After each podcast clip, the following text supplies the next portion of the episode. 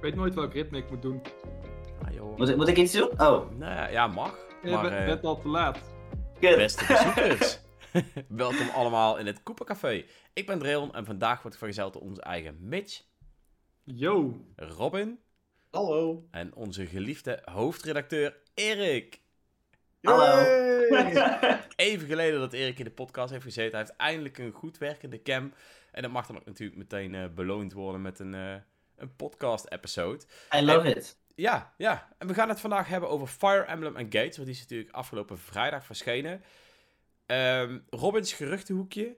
En we gaan het hebben over competitief Pokémon. Ja. Oh. Maar Fire Ja. Emblem Engage, jongens. Laten we gewoon eventjes bij het begin beginnen. Die game is vrijdag verschenen. Eh, Robin is tijdens een preview-event helemaal aligned geweest over de game. Nou, hij heeft er in ieder geval eh, ja, toen wel flink van genoten. Ehm, ik heb hem nog niet gespeeld, dus ik ga heel veel stomme vragen stellen. En hopen dat jullie nou zeggen, Trail, jij moet die game gaan kopen. Die kant is de Fire Emblem kant. Wij weten niks. Ja, Fire inderdaad. Ik heb... eh, oh, echt niet? Ik heb echt één uurtje gespeeld, jongens. Het enige wat ik weet van Fire Emblem Engage is dat de hoofd, het hoofdpersonage geeft mij de neiging om naar de supermarkt te gaan en heel veel Colgate tandpasta in te slaan. ja, mensen maken ook de associatie met Pepsi, zeg maar. Het logo. Ah, ja. Oh, ja. ja. Die zie ik ook wel, die zie ik Ja. ook wel. Ja. Nice. maar eh, ja, want, eh, even eh, kijken, want jij hebt nog maar een uur gespeeld. Komt volgens mij door wat eh, eh, bezorgprobleempjes, volgens mij. Ja, vrijdag. ik woon in Friesland. Eh, dat betekent Friesland loopt wat achter. Dus die game was vrijdag gewoon nergens nog in de winkels. dat is echt verschrikkelijk. Dus ik heb vrijdag besteld. Zou zaterdag binnenkomen. Komt zaterdag Holy natuurlijk shit. niet binnen. Ah, En eh, ik heb hem net even vanavond even voor de podcast een uurtje kunnen spelen. En je hebt ook geregeld dat je gaat verhuizen, denk ik, of niet? Ik ga ook eh, weg. Ik kom naar eh, het zuiden van Nederland. Ah, mooi. Daar komt alles op tijd. Bij de rest van de. Erik. Ja. Nou, komt alles goed. De grap is dat eh, mijn, ik had dus een Collector's Edition besteld en die zou vrijdag aankomen. En eh, rond een uur of eh, zeven zou die aankomen. Ik kijk om half acht en het zegt, hebben je gemist. Ik dacht van, hoe heb je mij gemist? Ik was thuis de hele tijd. Dus eh, ik denk dat ze gewoon de sneeuw niet Ja. meer houden. Dat ze Ja, maar dat is, dat is classic PostNL, DHL. Er Ja. hoeft, maar één, er hoeft maar één bezorgd te zijn die er even geen zin meer in heeft. En dan heb je, oh, we hebben je gemist. Oh, wat, wat vervelend nou. Ja, Ja. Vooral als je zo'n Maar- videocamera deurbel hebt die gewoon kan zien dat er niemand geweest is. Ja, Ja, ja, ja. het was, Je eh, bent echt heel cool. nou, nou, maar die, die heeft toch wel, Ja, je ik hebt zeker die heeft toch wel half Nederland voor, toch? Dat is niet Ik meer zo eh, moet wel zeggen dat Half rijk flink, eh, Nederland, ja. Ja, nee. Ah.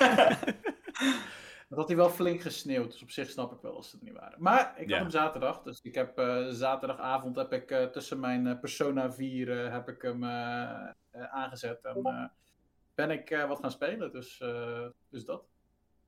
Oké. Eh, wat vonden jullie ervan? Tot nu toe. De introductie, was die sterk? Was die slap? Langdradig? Ja, ik, vond, eh, ik vond de openingsvideo wel goed. Volgens mij hebben die ook op de website eh, gezet. wat een Eh, ja, Ik is, heb dat liedje ook meteen in mijn hoofd. die is maar eh, een paar keer bekeken volgens mij, dus eh, ja. Ehm, nou ja, dat, het, is, het zet wel de toon. Het spel zet gewoon gelijk de toon. Het laat heel Het is duidelijk snel. Ja, vond ik ook. En daarnaast ehm, is het ook niet bang om Fire Emblem te zijn in de zin van, eh, weet je, Fire Emblem is anime en we gaan gewoon even vol anime. Dat is een beetje wel hoe ze zijn gegaan. En dat is niet een slecht, want heel veel wordt op het internet wordt anime als iets slechts gezien in sommige gevallen. Vind ik niet in dit, in dit geval. Het is gewoon over de top en daar moet je van houden. Ben ik, ben Dus- ik niet helemaal mee eens. Het is niet dat anime gezi- gezi- eh, gezien wordt als iets slechts, maar uitspraken als full anime of te veel anime of te anime, weet je wel, dat het net even te ver gaat. Mhm. Zou je zeggen dat Fire Emblem Engage in die categorie valt, of valt het relatief gezien mee in jouw ogen? Eh, mijn ogen. Ja, ik vraag naar jou. Oh. Ehm, ik vind dat het wel meevalt. Het is zeker meer dan eh Three Houses. Want Three Houses vond ik veel serieuzer en was qua verhaal ook heel anders. Terwijl het verhaal van. eh, eh, van eh, Engage zou net zo goed een isekai kunnen zijn. En voor mensen die niet weten wat isekai is, dat Mhm. is zeg maar wanneer een hoofdpersonage van aarde opeens in een fantasiewereld terechtkomt of in een andere wereld en daar dan allemaal shit moet gaan doen. Die Dus iedereen is constant je kont aan het kussen in Fire Emblem Engage. Dat is zeker waar. Oh, Divine One. Don't talk to me. zo moe van. Oh god. Maar ik moet zeggen, de Ah, personages zijn eh, erg kleurrijk en eh, ja, de gameplay zelf is fantastisch. Het verhaal is zeker het mindere tot nu toe. Eh, ik zit nog wel echt nog, nog vroeg in het spel, dus ik moet wel zeggen, ik, heb nog niet alles gezien. Mhm. Ehm, maar tot nu toe, eh, geef mij Fire Emblem Fix. Ik vind het prima, ik heb er weer plezier in. Eh, ik, ik kijk uit wanneer ik weer mijn base classes kan omzetten naar advanced classes. En dat ik weer kan gaan min-maxen en alles. En weer kan genieten van, Van echt Fire Emblem. van echt Fire Emblem. Ja. En ehm, dat hele engage gebeuren nou, wat ze natuurlijk eh, als, ehm, ja, als gameplay eh specialtje hebben. Wat Nieuwe vinden jullie dingetje. daarvan? Ja. Ja, ik heb eh één uurtje gespeeld, half uurtje. Hm. Eh, het, het leuke is dat je best wel snel eraan geïntroduceerd wordt. De in de eerste, allereerste missie mag je al samen met Marv, en Marv is dan zeg maar het icoon van Fire Emblem, mag je al meteen met hem spelen. En ook in de tweede missie, die dan ineens duizend jaar later is, komt hij ook meteen, eh, best wel snel komt hij er alweer. Eh, ja, en wat, eh, het, het maakt je heel veel sterker. Dat is iets wat mij tot nu toe is opgevallen in mijn korte speeltijd. Ja. Als in, jouw main character is bijna niet te doden? Of... Want jouw main gebruikt die Oké. aanval, toch? Eventjes voor mijn beeldvorming. Volgens mij is dat echt, Ja, iets, ja, ja. echt iets van jou, van de Divine One dan. Of Als, als in, je doet eerst, eh, weet je, dan ga je tegen een vijand inhakken en dan doe je drie schade. Dan denk je, wat ben je zwak, je bent een Divine Dragon, wat doe je nou? En dan krijg je Marv bij je en dan doe je in één keer eh, 30 damage, zeg maar. Ben je echt drie keer, vier keer zo sterk eh, meteen. Nou, Oké.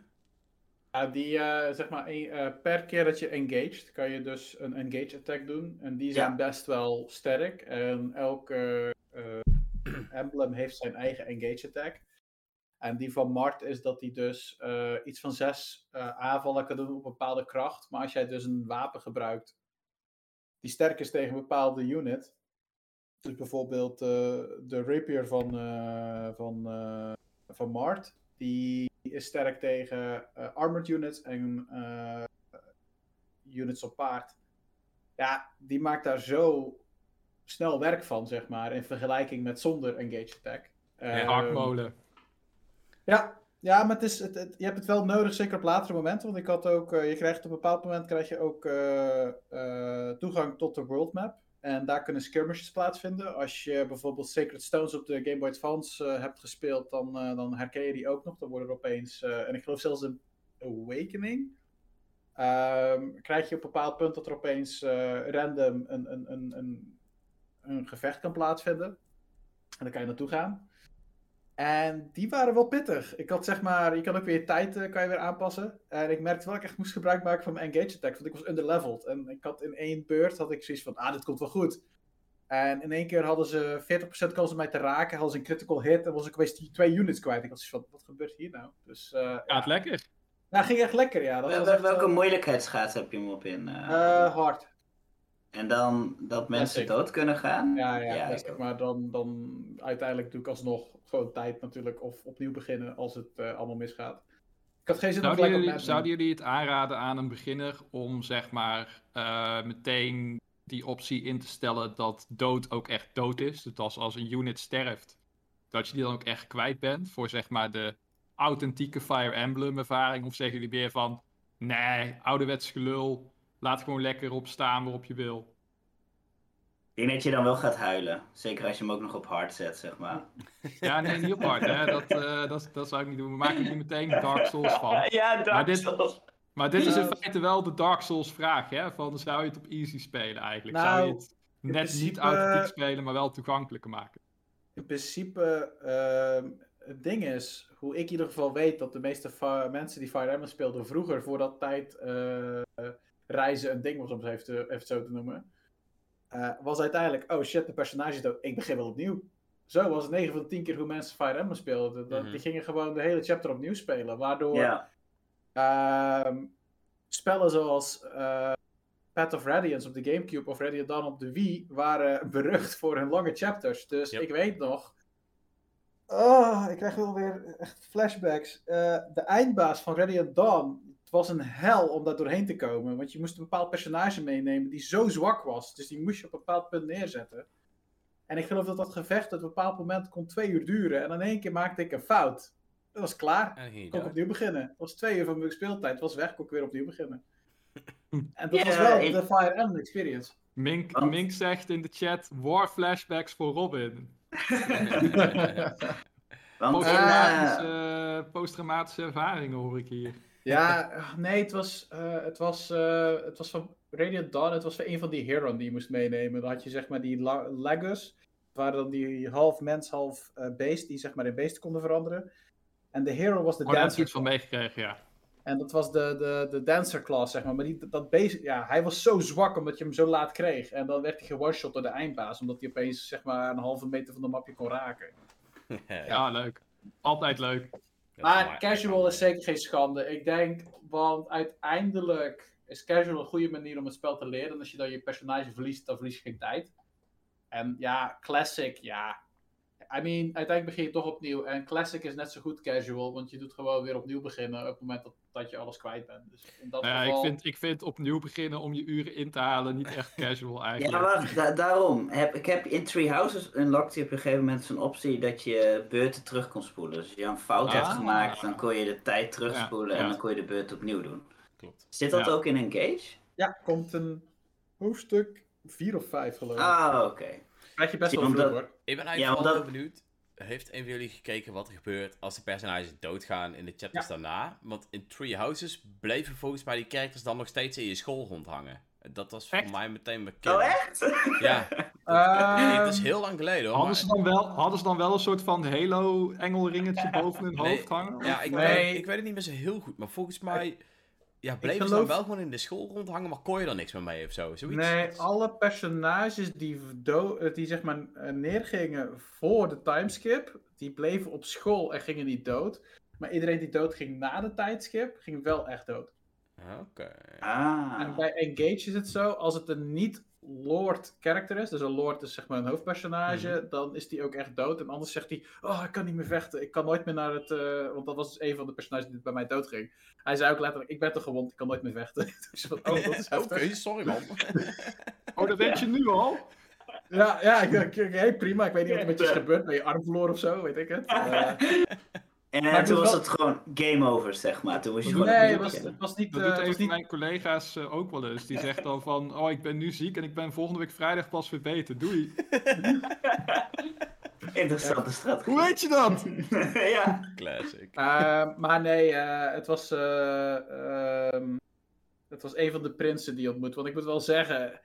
Voor een spel waar je dus uiteindelijk dood kan gaan... Moet ik, krijgen ontzettend veel kinderen om te recruiten. Het zijn allemaal 17-jarigen die opeens de oorlog gaan vechten. Daar heb ik niet zo heel veel hoop in, eh, moet ik eerlijk Ja, zeggen. dat is, ook dat is anime, hè, Robin. Dus, dat is eh, anime, ja, dat klopt. Dat is zeker zo.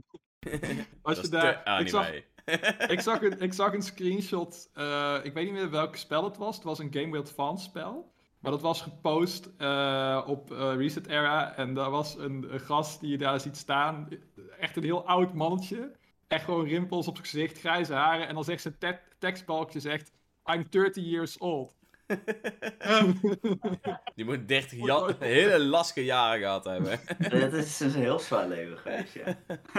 Ja, Eh, even, ik ga even richting de chat. Ehm Diamond Daan benoemt een heel leuk feitje, dik gedrukt, dus die moeten we wel eventjes benoemen.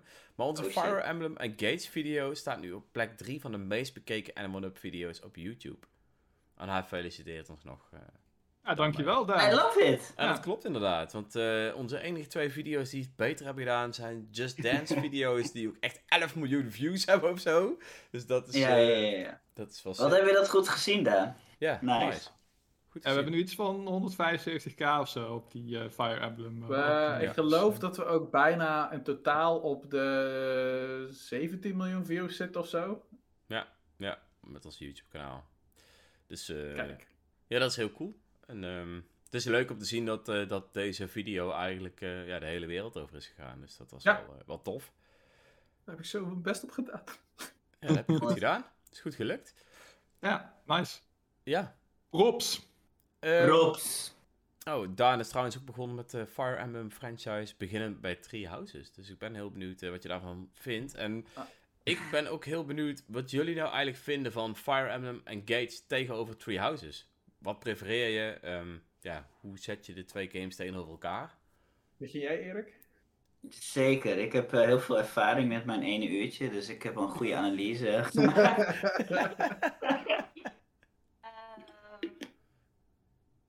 Ja, korte, korte, korte eerste indruk is Fire Emblem Three Houses is een van mijn favoriete Switch games. Ik vind hem echt heel leuk. Mensen, het schoolsysteem was het wel het minste stuk, want je besteedde daar iets te veel eh, tijd in. Maar Mhm. desalniettemin was het wel echt eh, een hele goede game. Deze game begint sneller. Eh, de reviews zeggen ook en, dat de game ook gewoon een stuk sneller is. Is meer op gevechten gefocust. Dus ja, ik denk dat het meer in mijn straatje ligt. Dus ik denk dat ik hem. eh Treehouse vond ik een hele goede game. Maar misschien vind ik deze zelfs nog wel leuker. Als, het, eh, als ik de reviews zo mag geloven. Alright. Voor mij is het, ik denk dat ik de cast van Three Houses leuker vind tot nu toe. Veel meer, Ja, meer ja, gegrond, zeg maar. Veel realistischer. Eh, wat mij wat meer aanspreekt. Ik vind wel weer de gameplay elementen van Engage vind ik wel weer echt een hele toffe toevoeging. Dus het is een beetje een gemix, zeg maar. Maar qua verhaal is wel de voorkeur aan Three Houses. was ook een van mijn favoriete games op de Switch. Dus ik ben heel benieuwd wat Ja. het einde van Engage voor mij gaat doen. Eh, en dat laat ik ook zeer zeker weten als ik hem heb uitgespeeld. Dus, eh, zou jij. Eh, oh, oh, ja. eh, go ahead. Oké. Zou jij, ehm, als je nog nooit Fire Emblem gespeeld hebt, zou je dan eerder Three Houses aanraden of Engage? Rob? Engage. Oh, echt? Ja, Ah, waarom? Engage is gewoon veel meer een echte Fire Emblem experience. Waarbij Fire Emblem Three Houses wat meer eh, verandering heeft toegebracht. En ook wat meer heeft veranderd in het formule. Eigenlijk wat Daan ook nu zegt in zijn. eh, zegt hij, even kijken, hij is begonnen met Three Houses. En voor hem lijkt het al een verschil met Engage, waar er geen social sim elementen in zitten. En daar is natuurlijk Three Houses enorm groot mee geworden, deels. En ik denk als je als eerste Fire Emblem wil leren kennen, is Engage juist het perfecte punt, omdat het ook een soort van celebration is van Fire Emblem. En je leert die emblems kennen, dus je leert verschillende spellen kennen. En Three Houses loopt niet weg, die kan je daarna nog spelen. Maar is juist dat social sim gedeelte niet iets wat sommige mensen juist fijn vinden om eventjes niet te gevecht te hebben en Ja, dat klopt. even wat anders eh, te doen? Is alleen wel, als jij begint met Three Houses, heb je dan niet een vertekend beeld over de rest van de Fire Emblem serie. Want dan denk je dat ze allemaal social sim hebben. En dat is dus Ja, niet. dat Nou ja, merkte ik in heel veel de reviews wel, 3DS ja. delen dat wel, toch? Ook op zijn Nee, niet zo. manier, maar... Nee. Ja, die DS, DS delen, of eh, Awakening eh, 3DS, dat soort dingen. Oh. Daar begon dat toch een beetje mee. Ja, dat Ja. dacht ik ook. Ik dacht dat dat ook de waifu games waren, echt, zeg maar. Maar Fates was wel echt een waifu game, holy shit. En dat, was, en dat was ook volgens mij toen Fire Emblem echt succesvol werd. Ja. Dus je zou het een risico kunnen noemen dat, dat hier nu minder in zit. Ook, zeker weten. Nou ja ik, ja, ik moet eerlijk zeggen dat Three Houses was, veel, was wel echt wel meer op relatie gefocust. Terwijl Engage veel meer het, nou ja, laten we het wel even het waifu gehalte heeft. Mhm. Eh, vanwege de, de designs die het zeg maar erin stopt. Maar als ik, ja, ik moet eerlijk zeggen, ik heb Awakening en de Fate-serie heb ik niet gespeeld. Of Awakening heb ik minimaal gespeeld. Dus durf ik niet te zeggen in hoeverre dat, dat gaat. Maar wat ik weet is dat eh, Awakening wel heel veel met kinderen bezig was. In de zin van, eh, jouw personage gaat samen met ander personage. En daar komt de kind uit. En die komt uiteindelijk weer in het spel. Dat was wel natuurlijk een extra laag eh, van strategie. Waar je aan moest gaan denken van, oh, wie ga ik? Soldaten kweken. Ja. Ja, maar nee, dat is echt Yeah. Ja, dat is wel echt, ja, dat klopt. Dat was Ja. echt wel een ding, ja.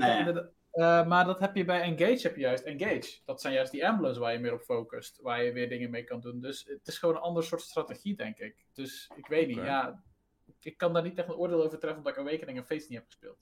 Oké. Einer junior, je bent vanaf vandaag soldaat. 12 jaar oud, hup, het leger in. Nou, Hier heb ik je geloof een bij. Awakening had het deels met tijdreizen te maken. Dus dan waren ze opeens volwassen. Dan had je opeens je volwassen kinderen die opeens tijd kwamen. Ja. Spoilers, die game is echt 80 Ja, jaar oud. spoilers. Heeft iemand die, eh, die Gamecube Fire Emblems nog gespeeld? Path of Radiance, of wat? Ja? Ja. Ja, Zijn die een over. beetje oké om mee te beginnen als je eh, een keer zijn Fire Emblem wil... eh, Die zijn zo hard Ja, wel? Path of Radiance en Radiant Dawn waren allebei best moeilijk. Oh mijn god. Ik had er net nachtmerries van. Heb ik je dat verteld? Ja, ja, maar dat waren bepaalde missies. Ik denk misschien is niet de hele Nee, dat hele spel wel. is gewoon een Ja, verschrikking ik denk dat eigenlijk. de eerste zeven chapters te doen zijn, dan daarna is zeg maar opeens poef.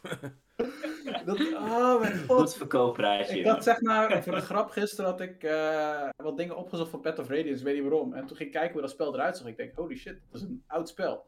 En de animaties van dat spel zijn ook super traag. Dus je moet eigenlijk zonder animatie spelen, zodat je alleen maar de, de overview van de map ziet. En toen zag ik wat voor missie aanspelen waar ik zeg, ja, die herinner ik me nog, die heb ik gespeeld. Ja, dat was een moeilijke missie inderdaad. En er was maar één na de andere die moeilijk waren. Het was niet te doen. Dus nee, ik zou Path of Radiance en Radiant Dawn wat later spelen. En de Game Boy games, ik probeer even hier vanuit het perspectief van de Fire Emblem noob, die toch denkt van, ah, misschien toch maar eens een keer proberen. Sacred Stones, ja, want dan kan je, kan je grinden. Dus die is simpel. Gameboy was wel leuk, ja. Maar had ik hou, niet van, ik hou niet van grinden. Shadow Eh, Dragon, of had je, had je nog meer? Wat was die? eh, Die met Lin, ik weet niet eens hoe die heet. Er was er eentje die meer een soort. Blade. Dat was met Blade- Lin. Ja, dat Blazing was- Blade of is dat 6? Want 6 is geloof ik Blazing Blade. Dus- Nee, er was, er was één Game Boy Advance game die meer soort van politiek was. En de andere had meer fantasy elementen. En volgens mij had de fantasy elementen was Sacred Stones. En de andere heette volgens mij gewoon Fire Emblem. Klopt. Oh ja, dat is wel de Blazing Blade nummer 7, dat klopt. Ja, ja, en die heette Fire Emblem in het Westen omdat het de eerste Fire Emblem game was die in het Precies. Westen is uitgebracht. ja, ja, ja, ja. Eh, die We hebben was onze geschiedenis weer paraat. En Sacred Stones was, eh vond ik makkelijk, want daar kon je gewoon grinden uiteindelijk in een of andere toren die eh, Ja, maar je ik hou kon- niet van grinden. Waarom speel je RPG's dan? Ik speel RPG's waarin je niet hoeft te grinden over het Oh, algemeen. oké. Oké. Toch? Als je moet grinden, ik vind dat altijd een zwak... Ik vind dat altijd zwak design. Ik vind het veel leuker om vaak als ik slimmer grinden om te gaan kan- met de bestaande dingen die je hebt. Mhm. Dan te zeggen van, oh, ik ga gewoon even naar die berg toe. Als ik, eh, ik slag met- daar een half uur lang monsters. En nu hoef ik niet meer na te denken, maar kan ik gewoon op de windknop drukken. Dat Ook, vond ik altijd wel een chille strategie nou Final Fantasy Kijk. games. Zo was ik ook. Dat is van, oh. Bij een oude games Ja. snap ik dat wel, maar nieuwe games... ah, Weet je wel, ik het is bedoel, leuk als je het met eh, skills kan doen. Denk En terug aan. Pokémon. Als jij, als jij Charmander had gekozen in Pokémon Red of in... eh, dan was je gewoon fucked. Dan moest je wel een, of een Butterfree gaan eh, krijgen, of je moest een Mantis zoeken. Ah, Ja, maar wat in Pokémon dan leuk is, is dat je dan de keuze hebt dat je dan verschillende Pokémon kan gaan vangen. Eh, of je vangt een Nidoran met eh double kick, of je probeert een Mankey te krijgen, of weet ik veel wat allemaal. En dan moet je hem een paar levels trainen tot hij een bepaalde move leert, maar dat zou ik geen grinden noemen. Nee, nee. Eens. Nee. Dus eh, tot zover. Fire Maar Fire Emblem. Engage. Ja, ik, eh, ik ben zelf benieuwd, gezien mijn eh, backlog nog zo groot denk ik dat ik nog even wacht. Maar ja, waarschijnlijk haal Ik denk eh, zelf dat ik wacht op de volgende Fire Emblem game, waarin ze hopelijk weer meer de Three Houses kant op gaan. En dan wel met, want grafisch is het wel erop vooruit gegaan, heb ik eh, gezien. Met name in de, in de shots van de animaties, zeg maar, als een cinematic camera. Van bovenaf vind ik het nog steeds heel lelijk, maar goed, dat is verder wel clean en zo, dus dat maakt ook niet zoveel uit. Maar ik zou wel een next-gen Fire Emblem game willen zien, waarin ze en grafisch goede stappen hebben gemaakt en het verhaal weer wat meer ja, grounded is, zeg maar. Meer draait. Meer als Triangle Strategy. Meer de- ik, ik zou Fire Emblem echt de Triangle Strategy eh, route op willen zien gaan. Dat Dat lijkt me past echt ook wel bij de game. Dat zou wel kunnen, ja. Ja, ik vind Triangle Strategy vind ik echt fenomenaal. Het sprak me ook meer aan dan welke Fire Emblem dan ook. Daar heb ik hem ook gekocht. En ik vond hem echt geweldig. Dus eh Komt ja, door mijn goede ik... review. eh, wat zei je? Komt door mijn goede review dat je hem geweldig Ja, ja. Review heeft er ook wel een mee gespeeld, ja. En die Triangle demo die ze hebben gereleased, eh, die was ook nice. Ja, Triangle Strategy was echt een prima game. Was echt heel erg chill. Ja. Nog steeds Dus uitspelen. conclusie, als je een leuke strategy game Speel zoekt, geen Fire Emblem. als je het beste van het beste wil spelen, speel Triangle Strategy. Als je zoiets hebt van, nou, ik hou iets meer van net wat meer anime en net wat meer tandpasta, speel Fire Emblem Ja, ja, ja Triangle, Triangle Strategy is wat volwassener in het. Ja, misschien. Dat is Three Houses ook, dus in principe kan je ook Three Houses halen dan. Het had zijn Na de timeskip. was het ja. thema, maar de... eh, gesprekken tussen de personages vond ik nog niet echt bepaald. Nee, oké, prima. Net als die Bernadette die iedere keer eh, liep te schreeuwen en zo. Toen, maar Ik vond mee echt te kijken en fucking grappig. echt van, Ja. yo, wat is dit? Dit Ja, is maar echt, dan moet je de gesprekken anime. van. Als je de gesprekken van Hubert hebt, die zijn allemaal vrij volwassen. Ja, die is echt briljant. Bernadette en Hubert, dat is echt mijn favoriete duo. Dat is echt Man, geniaal. man. Fantastisch, die twee. Ja. Nou. Eh, ik zit ondertussen even te kijken naar de chat. Paul is het helemaal met mij eens. Hij vindt grinden zwak design. Ja. En dat Ja, je een wel. balans moet maken. Eh, Mooi, mooi, mooi, mooi. En hij zegt grafisch mooiere anime lijkt me niet echt mogelijk. Jawel. Nou, Dan moet je maar die, eh, die eh, Naruto games van eh CyberConnect 2 spelen. en dat ziet er echt nog steeds insane goed uit. Die cel shading. Tales En of die eh, Dragon Ball Z Fighters, die is toch ook Ja, ziet er ook mooi? goed uit. Ja. Ja, ziet er Ja. ook heel nice uit. Tales of the Arise is ook geloof ik best wel een prima Tales of game. Arise ziet er Oh, ook ja, goed uit inderdaad, ja. ja. Nog steeds Dus. spelen trouwens. Veel coole anime's. Leuk. Ja, het is genoeg, mooi, genoeg mooi spel wat je met stijl nog wel kan doen. Het is meer dat je Ja. op de Switch nu, nu die Switch richting het einde van zijn leven ziet, je gewoon heel veel boerderij anime games met simpele graphics ziet. Maar dat wil niet zeggen dat het niet mooier kan. Dat, dat is gewoon een kwestie van eh, budget en tijd. Mhm. Oké, nou cool. Fire Emblem Engage. Eh, koop hem. Dat was het. Tenzij je Triangle Strategy beter vindt. Dan koop je die. Dus Dreon, eh, jij haalt eh, volgende maand haal jij eh, Fire Emblem in plaats van Kirby. Ja, dat denk ik wel, ja. Of ik koop geen van beide. Ik ga binnenkort naar Japan, jongens. Ik moet even Is, is het nog steeds een running meme dat Dreon Kirby kut vindt? Of, eh? Oh ja, ja. ja, nice.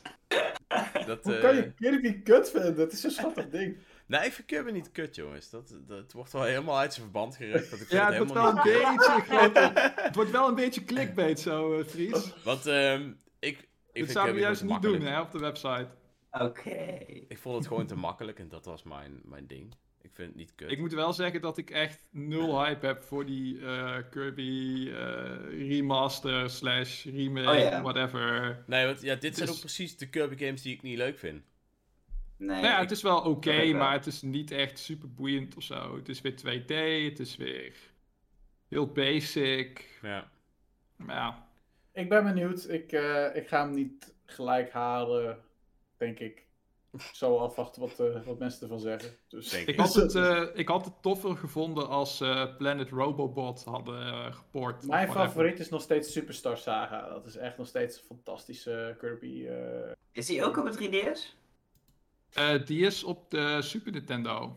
Oh, die, oh, die dat was maar, eh, die Maar had- ze hebben hem wel volgens mij geremaked. Of in ieder geval voor de DS volgens mij. Ultra, Superstar, nog iets, bla bla bla. voor eh, Nintendo Switch Online? Ja, Ja. Die, eh, die wel, kan je ja. spelen op tijdens Switch Online. Ik moet het nog altijd een keer doen trouwens. Volgens mij heb ik hem origineel op de SNES. Oh, echt? Ah. Cool. Ja. Nice. Nog, dat is echt een hele dat leuke is wel een game die ik wel per se wilde hebben. Dus die heb ik wel eh, nog speciaal gepikt. is gewoon- dat is gewoon- even een secret tussen mij gewoon- en, eh, en mijn Kirby games. top Kirby. Waarom wilde je een per se hebben, Dreon? Eh, Omdat het wel een collectie is van heel veel verschillende Kirby games. Dus ik, ik vond het wel heel cool. Ah, Dus eh, dat is wel echt een game die je moet hebben op je retro console. Vind ik dan zelf. ah. We, we Ja. zullen het niet tegen de rest eh, vertellen. Nee. We houden dit een geheim. Ja. Behalve beschermen je mensen imago. luisteren en nog gaan luisteren in de toekomst, die weten het. Maar voor de rest eh, is het een secret. Niemand weet het. Ja, waarschijnlijk gaat iemand het eigenlijk vanzelf een keer in Discord zeggen of zo. Daan. Ehm Robins geruchtenhoekje. Want Robin, jij hebt alweer het een en het ander gehoord, hè? Ja, ik heb wel wat dingetjes gehoord. Dat is altijd Die- leuk, hè? Even voor, zo- voor iedereen die Ik ben helemaal benieuwd. Ja. Robin, Robin is zo'n jongen die de hele dag het internet afstruint. Eh, De hele ook, dag. ook onder werktijd. Onder Dus de... als zijn baas ook luistert. Dus als zijn baas ook luistert. Eigenlijk doet Robin niks anders de hele dag. Alleen maar geruchten Ah, Robin zoeken. zou dan zeggen dat dat deels zijn werk is. Oké, oké, wacht even. Het lijkt nu of Dreon overdrijft, maar we kunnen jullie onze Discord pagina laten zien. Ga ik niet doen, maar dat kan. En dan Dan zijn zie je het de hele dag door van Robin. komen. Ja, Dat is echt Is alleen maar van mij. Ja. Alleen maar van mij. Er zijn, er, zijn wel eens, er zijn wel eens comments op onze website onder geruchten van jongens, alweer een gerucht, doe je echt te veel op de site. En dan denk ik bij mezelf, je moest eens weten hoeveel geruchten er Ja. op de site zouden staan. Als, Als we Robin carte blanche alles gaven. deden, ja. Elke gerucht maakt niet uit of het een rukgerucht is, een nepgerucht. Ik post het allemaal. Maakt me niet uit. Nee, even alle gekheid op een stokje. Ehm, ik geloof dat het eh, vorige week is. Dat eh, vorige week was het echt een na het andere opeens naar voren kwam. En Mhm. eentje die denk ik wel het meest interessant is, is eh, die van Baten Kaitos. Ja. Die komt naar voren. Ehm, en de grap is dat de bron die Baten Kaitos dus heeft benoemd als een game die gaat komen op de Switch, had hiervoor de secret game van Kojima, had die, hadden zij ook gelekt. Dat was Overdose. Uiteindelijk kregen ze daar ook een season desist voor, dus zij moesten ook alles eraf halen. Ah, En zij hadden vandaag, geloof ik, of gisteren, hadden zij aangegeven als eerste dat eh, Marvel's Avengers zou stoppen als een live service. En, en twee uur later werd dit ook eh, bevestigd door het, de studio zelf. Dus er Maar zit dan wel hebben we het wat... nog steeds over de website executor.com. Ja, ja. Oké. Daar Dus, wist ik eh, nooit geho- van gehoord. Oké. Nou, iedereen heeft daar volgens mij nog nooit van gehoord. Toen ik het eerst zag, dacht ik ook echt van... Wat is dit? Jongens, Weet je zo ken je die website niet, twijfelachtig. Dit is echt een van de belangrijkste websites ever. Hou je Ja. mond. Dit is een soort N1-up onder de geruchten. Juist. Nee, maar Wat die is, hadden wat, is, blijkbaar... wat is in eh, godsnaam een executor? dat is een computer die... Explodeert? Nee, een ex-computer. Oh, dat kan ook, ja. Dat is je oude Dat is de computer. computer van je ex. Nee, dat is de Heel computer van je goed. ex. Heel Maar, goed, eh, ik, re- ik reken het goed door. Maar in principe, die, eh, die hebben dus nu al een paar keer eh, een momentje gehad dat ze dus juist hun eh, iets hebben gedeeld. Dus op zich, ik vind het ook niet gek als je erover nadenkt, want het is wel een, eh, een monolith game. Ze hebben niks meer na Xenoblade in principe, dus wie weet zijn ze daar bezig met Bandai Namco. Wie shall Oké, see. het, ik zou, het, eh, zou, het zou kunnen dat ze hem gebruiken als een soort van tussentitel tussen de volgende Maar ze hebben Ja. ook ooit een artwork gedeeld van een game waar ze mee bezig waren die ook niet Xenoblade was. Heb je daar niet... Ja, dat was eh, een of ander medieval-like. Ja, Dat is ook nog een ding wat daar nog steeds rondhangt. klopt. Maar het kan zijn dat die of gecanceld is of eh, voor Of het was next generation hardware zeg maar wordt Ja. gemaakt. Dat het echt een heel erg ver toekomstperspectief eh, project was. Ik bedoel, Miyamoto had ook ooit als eerste een tekening van Link zonder zwaard van Skyward Sword. En daarna duurde het nog vijf jaar voordat die game uitkwam. Dus Wat dacht je Ja. van Pikmin 4 die bijna af was? Eh, Nee, maar dat is, eh ja, Baten Kaitos, dus eh, die is eh, iets, eh, nou ja, 2D Mario begint ook wat weer eh, op te komen. Eh, dat is meer vanwege de film, denk ik, dat mensen daar eh, weer wat, eh, ja, maar dat is zo makkelijk. Is het? Want je kan het gewoon heel logisch redeneren van, oh, er komt een film uit, dus er zal wel een game uitkomen voor extra sales. Klinkt allemaal heel logisch. En als het gaat gebeuren, kunnen mensen zeggen van, ja, zie je wel, ik had gelijk. En als, het niet gaat gebeuren, kunnen mensen van, ja, plans change. Ja, ja, eens. Ja, maar dat gebeurt. Ik vind hem Maar- wel. Maar Baten Kaitos, eventjes, eventjes terug naar Baten Kaitos. Waarom? Want En wat is bij Baten. Kaitos? Wat zou ook de reden zijn om nu Baten Kaitos terug te brengen, bijvoorbeeld? Want ik vond het een toffe game, hè. Ik, eh, dat is denk ik misschien wel een van de eerste RPG's die ik toen de tijd zeg Eigenlijk maar, als je, echt, echt gespeeld heb. als je terugkijkt naar waarom hebben ze Live Alive in één keer nieuw leven ingeblazen en waarom hebben ze Advance Wars proberen nieuw leven in te blazen. Eh, eh, Nadelijk op proberen. proberen. Ehm, ik bedoel, Live Alive is eigenlijk een beetje eenzelfde soort titel, moet ik eerlijk zeggen. Ik denk dat Baten Kaitos is vrij laat, denk ik, in de Gamecube cycle gereleased. En heeft gewoon uiteindelijk niet kunnen doen wat het had kunnen doen. En ik vraag me af of het nu in de huidige markt beter zou draaien. Want card battlers ook veel meer een ding zijn geworden binnen de indie scene. Eigenlijk zie je veel meer RPG's ook met kaarten en zo terugkomen. Wie weet is het nu Mhm. wel het tijd voor Baten Kaitos. En Ja, wat het heb- ding is met Baten Kaitos is natuurlijk, het is een RPG op de Gamecube met een card battle systeem, eh, maar ook met pre- eh, pre-rendered eh, backgrounds. Ja. En pre-rendered backgrounds die zijn heel lastig op te schalen, want dan wordt het al heel snel lelijk en pixelig als je dat scherper gaat, eh, Dus gaat zou maken. alles opnieuw moeten. Dan zouden ze of die achtergrond opnieuw moeten maken, of ze zouden het een beetje de Chrono Cross eh, treatment moeten Dat geven met een of ander lelijk AI-filter eroverheen. Of, En het dan in de winkel smijten. Maar dat zie ik Monolith niet zo snel doen, denk ik. of ze gaan de game helemaal opnieuw maken met een battle systeem wat meer past bij nu.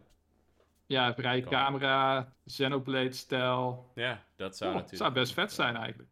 Ja. Misschien dat je dan hetzelfde idee hebt, maar dan dat je kaarten moet trekken voor je arts. Dus dat je elke keer random arts hebt die je kan gebruiken in plaats van dat je eh, vast iets hebt. Oh, Maar- is er. Dat is wel duur. Dus ik zie het ook weer niet gebeuren eigenlijk, want dat is gewoon keiduur om dat te doen. Hey. Voor een franchise die niet echt de, de naam van zelfs een F-Zero heeft. En bij een F-Zero denk ik al van, dat gaat waarschijnlijk niet verkopen. Waarbij Ja, Titles, daar halen ze mensen- heeft wel een bepaalde cult. Even kijken, Baten En-. En, en laten we zeggen, ja, Xenoblade is ook zo begonnen, hè?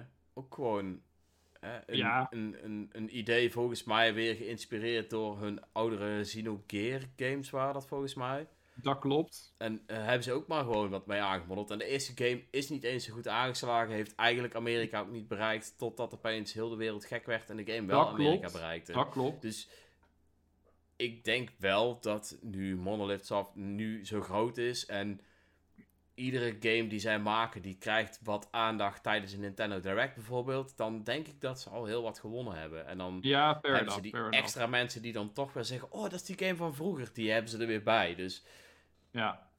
het Ik vind past alleen de vergelijking niet helemaal opgaan, omdat je het hebt over een nieuwe franchise die ze willen establishen versus het terugbrengen van iets ouds. ja, maar, maar Iets wie ouds zegt dat ze dat kan- per se terug willen brengen? Misschien denken ze gewoon van, oké, dat hebben we toen gedaan, nu hebben we er een veel beter idee mee. Of nu kunnen we er dit mee doen.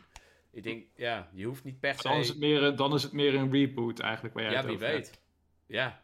Kijk, het is, kijk, zo'n gerucht is natuurlijk heel vaak van wat krijg je te horen ervan. In dit geval hebben ze grafisch bewijs dat ze niet kunnen delen. Ja, eh, mijn naam is Haas. Eh, Ja? whatever dat grafisch eh, bewijs kan zijn. Want mensen zeiden, ik weet niet waar ze het zeiden, maar mensen zeiden ja, ehm, hoe kunnen ze dan niet zien of het een remake of een remaster is? Ja, het hangt er ook vanaf wat hebben ze gezien.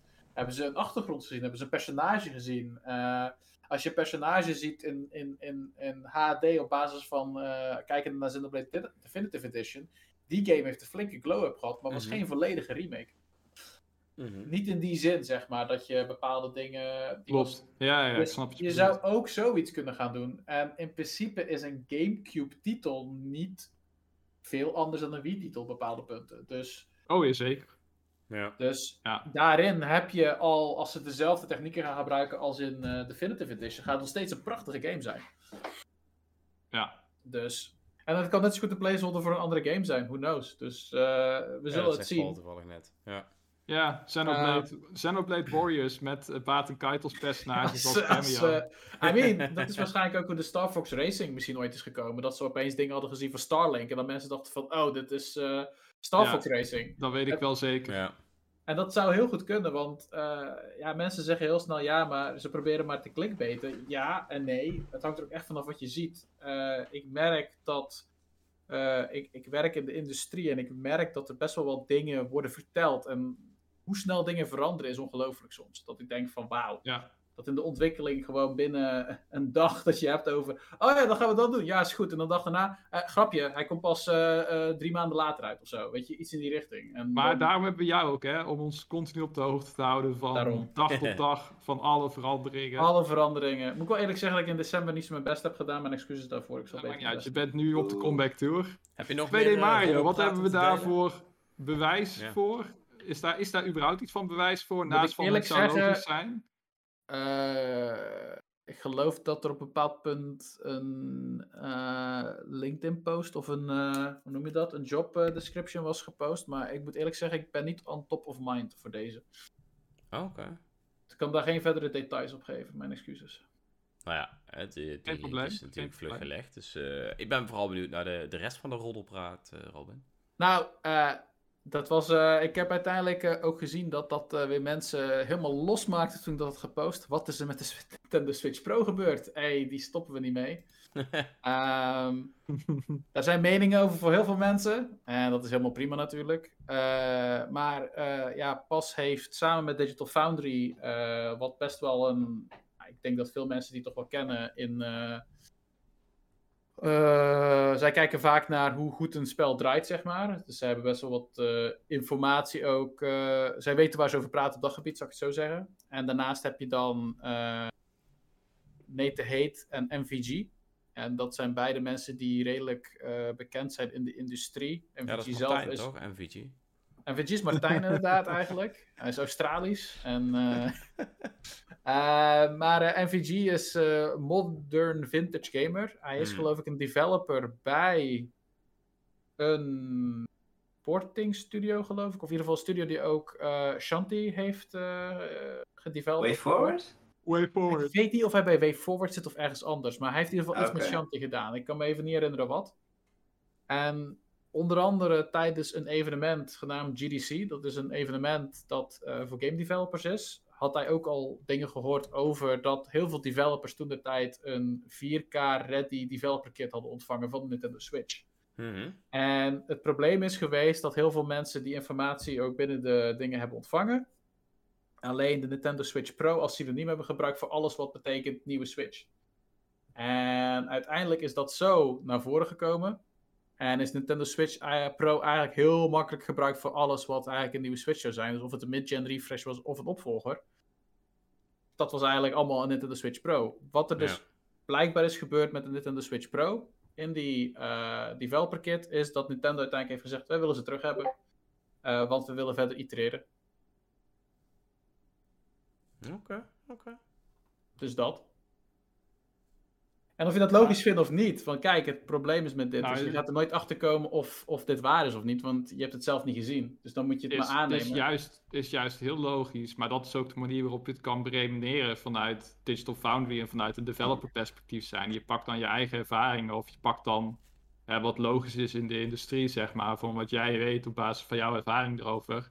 En je eh, extrapoleert dat dan naar de Nintendo Switch Pro en denkt van ja, dan zal het ook wel zo ongeveer gegaan zijn, want Nou ja, de geruchten, de, de signalen waren er, maar uiteindelijk is er niet uitgekomen. Ja, hoe komt dat?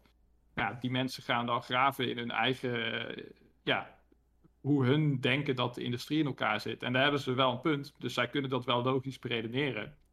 Maar daar verandert nog steeds niets aan het feit eh, dat er uiteindelijk vrij weinig bewijs is voor wat zij beweren. Het is meer logisch onderbouwd. Snap je? ja, snap ik. Ik snap het heel goed. En dat is prima, want dat i- is waardevol, vind ik, om dat van zo iemand eh van denk mensen alleen- te horen. dat inderdaad hierin gewoon een soort van. Want ik bedoel, er is ook een reden dat bedrijven zoals Bloomberg en. eh, eh, en Nikkei dan bijvoorbeeld. eh, dit ook dan rapporteren uiteindelijk. Ja, goed. Dat geeft voor mij aan dat er inderdaad iets gaande was. Want je gaat, niet, je gaat het niet als Bloomberg zomaar roepen. Dat, dat zie ik niet als. Nee, maar natuurlijk niet. Eh, Er zal sowieso iets gaande zijn geweest zijn, maar de vraag is uiteraard, de handvraag van jouw artikel is ook, eh, heeft de Nintendo Switch Pro ooit bestaan? Dat is de vraag. Ja. En sommige mensen zeggen dan van, ja, de Nintendo Switch Pro heeft ooit bestaan, maar door chiptekort hebben ze uiteindelijk de OLED uitgebracht. En Dat is daar is inderdaad- geen enkel bewijs voor. Dat is geen bewijs. Dat Ja, en ik denk Eh, dat gewoon dat nul. Dat hebben- eh, Dat hebben fans gewoon Dat is gespeculeerd. ook een dat eh, hebben, aanname. Ja. Ja, maar dat is zoveel en zo vaak gepost door fans op fora en door insiders, weet ik wat allemaal, dat het nu... Ik zag in de comments mensen die dat gewoon quoten alsof Nintendo het zelf gezegd had, terwijl het helemaal niet zo is. ja, Nintendo heeft nooit gezegd dat er überhaupt een Switch Pro eh gedowngrade is, want dan zouden ze namelijk ook meteen toegeven dat er een Switch Pro in ontwikkeling was. Nou, en ik denk ook dat Mink ook wel een goed punt heeft. Want hij zegt eigenlijk alsof Nintendo eh, al devkits gaat weggeven en ontwikkelaars vraagt om te ontwikkelen. En dan verschijnt er nooit een console. Dan zou toch niemand meer voor Nintendo ontwikkelen? En hij heeft hij natuurlijk Zo is dat. Want als jij uiteindelijk zegt van ik heb een devkit, je hebt een basis. Laten we het even bekijken. We hebben alle vier hier geen, eh, geen kennis in. Maar gaan we eventjes Ja, je spreekt voor jezelf. punt. Wij weten alles. je weet alles. Nee, maar je hebt een devkit. En daarin zitten bepaalde mogelijkheden. Stel dat ze bijvoorbeeld zeggen van eh, deze devkit kan 4K aan. Dus jij maakt een game voor 4K. Vervolgens eh, heb jij games gemaakt die kunnen 4K aan. Vervolgens de Nintendo van, hey, die devkit waar je mee bezig was van 4K, die willen we terug hebben, want we gaan iets anders mee doen. Betekent dat dan dat jouw spel voor niks is geweest? Hangt er vanaf hoeveel je aan ontwikkeling bent. Hangt er vanaf voor de afspraken die je met Nintendo hebt gemaakt. Dat weet je ook niet waar die afspraken zijn gestopt en waar die zijn geëindigd. Wie weet is het gewoon een iteratie op een nieuwe devkit die weer nieuwe mogelijkheden heeft. Waar je Ja, verder op dat is meestal wel. Die devkits gaan altijd door meerdere iteraties heen. Dat weet ik in ieder geval wel. Mhm. Ehm, en soms kunnen er dingen verwijderd worden of soms kunnen dingen toegevoegd worden. Meestal worden er uiteraard dingen toegevoegd. Maar bij een Nintendo-console zie ik het ook wel vooraan, want die gaan zo Ja, die- heen en weer soms in hebben zo'n design, gimmick. zeg maar. Als je Ja, maar kijkt je- naar je oude niet- prototypes. Maar je kunt toch niet opeens zo gaan schommelen in resolutie? Van 4K Nee, terug maar- naar 1080p is wel gewoon echt veel. Dat klopt, dat klopt. Alleen je moet natuurlijk niet vergeten dat games tegenwoordig wel heel redelijk scalable zijn. Hè? Dus dat jij een game ontwikkelt die 4K ondersteunt, betekent niet dat jij die hele game kan weggooien als het opeens maar toch 1080p Nee, blijkt maar te zijn. het doet wel veel met je rekenkracht. En ik denk dat je Dat wel klopt. Je, eh, de dingen die jij doet voor je game. Uiteindelijk moet alles samenkomen met wat er allemaal samen op je beeldscherm staat. En als jij uit- Ja, uitgaat van een bepaalde resolutie. Ja, daar hangt denk ik best wel veel bij samen. Vooral bij een console. Ik denk dat Nou, bij, PC, is- bij PC wordt er toch iets meer gekeken. Omdat PC's altijd een andere, andere specs hebben. Want console heeft bepaalde nu- specs. En daar ga je dan gewoon naartoe werken. En dan heb je, ja, met die nieuwe consoles heb je dan een performance en een, heet die andere modus. Dat die 30 fps en, en veel mooier is. Maar dat is dan ook Nou- waar je voor gaat. Je kunt denk ik niet zo te werk gaan dat het allemaal maar een beetje lukraak... eh, ja, Maar oh nee, het- nou kan die toch makkelijk terug naar 1080p. Dat is niet erg. Of, nou, Maar waarom zouden dan mensen zoals een John Lindeman van Digital Foundry of een NVG, die beide dus in de industrie zitten op bepaalde punten, dit dan zeggen en roepen? Want dat is toch niet voor hun naam dan ook goed Ja, maar, in de industrie? maar als zij iets horen van anderen, dan kunnen ze dat toch ook gewoon zeggen. Zij zijn toch niet zelf degene die die devkits gezien hebben of zo. Zij vertellen alleen maar van oké, eh, Ja, we ik hebben gepraat met, met, met bepaalde. Ja, maar zij zeggen toch meer dingen als we hebben bepaald, eh, gepraat met bepaalde goede sources die dit zeggen. Zij zeggen toch niet, ik weet dat het zo is, of ik weet dat het zo is. Ze hebben wel zelf gewerkt in het verleden met devkits met andere consoles. Ze zullen waarschijnlijk niet over de Nintendo Switch voor opvolger praten. Nee, dat lijkt me niet, want dan heb je een NDA, daar kan je er ook niks over zeggen. Mhm. Dus Nee. ja, weet je, als je Dus- goede sources hebt die iets noemen, mag je het ook gewoon zeggen. Als iemand eh, morgen tegen mij zegt van, yo eh de, die dingen die zijn er echt, ik heb ze gezien, eh, hier heb je een foto. Dan ga ik dat ook eh, morgen opeens zeggen. Maar ja, weet je, het- Ja, ik, heb nog ergens, ik heb nog ergens op een oude Nokia een 360p filmpje staan van Metroid Prime 4, het eerste level. Dus eh, die blijft, die blijft mooi in de posten. Zet kluis. hem even op de website. Nee jongens, 360p, dat wil toch niemand zien? en ja, en wie weet waarom ze bepaalde dingen doen. Misschien, eh, wat Paul zegt ook al, misschien is het wel met opzet, om leakers te vinden. Ook Eh, dat is ook nog een Misschien, optie. eh, misschien zou je het ook wel kunnen doen om bepaalde mensen uit te lokken om meer te gaan zeggen. Wie weet. Als je iets meer weet, kun je van alles doen om mensen proberen. Kijk, dat is eh, het ding de met, eh, met geruchten. maar. Uiteindelijk besluit je om het te geloven of niet te geloven. Of te zeggen alles is nep. Dat kan je ook zeggen. Prima. Dat is, Ja, eh, mag ook. Daar gaat leven. misschien ook wel iemand tegen in die zegt: Ik heb het echt gezien. You never know, man. Ja, waar rook is, jongens, vergeet niet, is vaak wel vuur. Begin dit jaar was er een Mario Kart 9 gerucht. Bleek niet zo te zijn. Ik bedoel begin 2022. Maar er werd uiteindelijk wel DLC aangekondigd voor Mario Ja, Kart. er is wel iets. Nee, maar dat is wel zo. Dus er is vaak wel iets aan de hand. Maar eh, Het is vaak gewoon dat mensen gewoon halve informatie ontvangen. dat is het, ja. Ja. En wat Mink ook zegt, sommige geruchten zijn iets realistischer en Correct. logischer te Tuurlijk, er vanaf. dan andere. Kijk, als iemand uit het niets komt met een, eh, als, een, als een of andere leaker die het in het verleden vaker goed heeft gehad, met iets komt dat echt compleet uit het niets komt. Bijvoorbeeld, ik noem maar iets, een nieuwe Punch-Out komt eh, eind 2023 uit. En nog niemand anders heeft het over Punch-Out gehad en er is geen Punch-Out Anniversary of whatever. Met andere woorden, er is geen enkele logische beredenering voor, deze, voor dit gerucht. Maar deze gast heeft het in het verleden wel vier keer vaker goed gehad. Dan geloof ik dat eerder dan dat iemand zegt van... Ja, eh, er komt een Mario film aan. Misschien komt er wel een nieuwe 2D Mario. We weten het niet jongens. Wink wink, nudge nudge. Of Barton Kaitos. Of. Nee, Joe. Ja, die gasten van Baat en Kuiters hebben blijkbaar dus ook eerder eh, Kijk, die van goed. dan neem ik het eerder, dan, dan Ja. houd ik het eerder in mijn achterhoofd van, oh ja, dit is Kijk, waarschijnlijk nog steeds niet waar, maar het zou wel eens waar kunnen zijn. Weet je, eh, een beetje 50-50. Als ik kijk wat eh, Paul zegt bijvoorbeeld, die roept bijvoorbeeld, ja Zippo. Ja, Zippo is iemand die je niet serieus hoeft te nemen. Die roept echt maar wat rond. Dat is net als Samus Hunter 2, die zeg maar populair was op een bepaald moment op Twitter, die alles aan het, eh, aan het herhalen was. En wanneer iemand zoals een, een Jeff Grubb of een Emily Rogers of een Nathan Hate iets zegt, dat zijn ook twijfelachtige, eh, want die hebben het ook wel eens mis.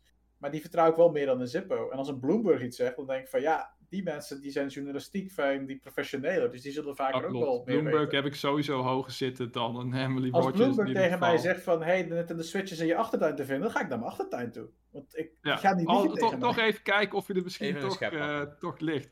Hé, maar Mink maakt ook nog een goed punt, eh, Robin. Hij zegt van, ja, je moet die geruchten eigenlijk ook gewoon gaan opvolgen om te kijken wat er wel en niet klopt.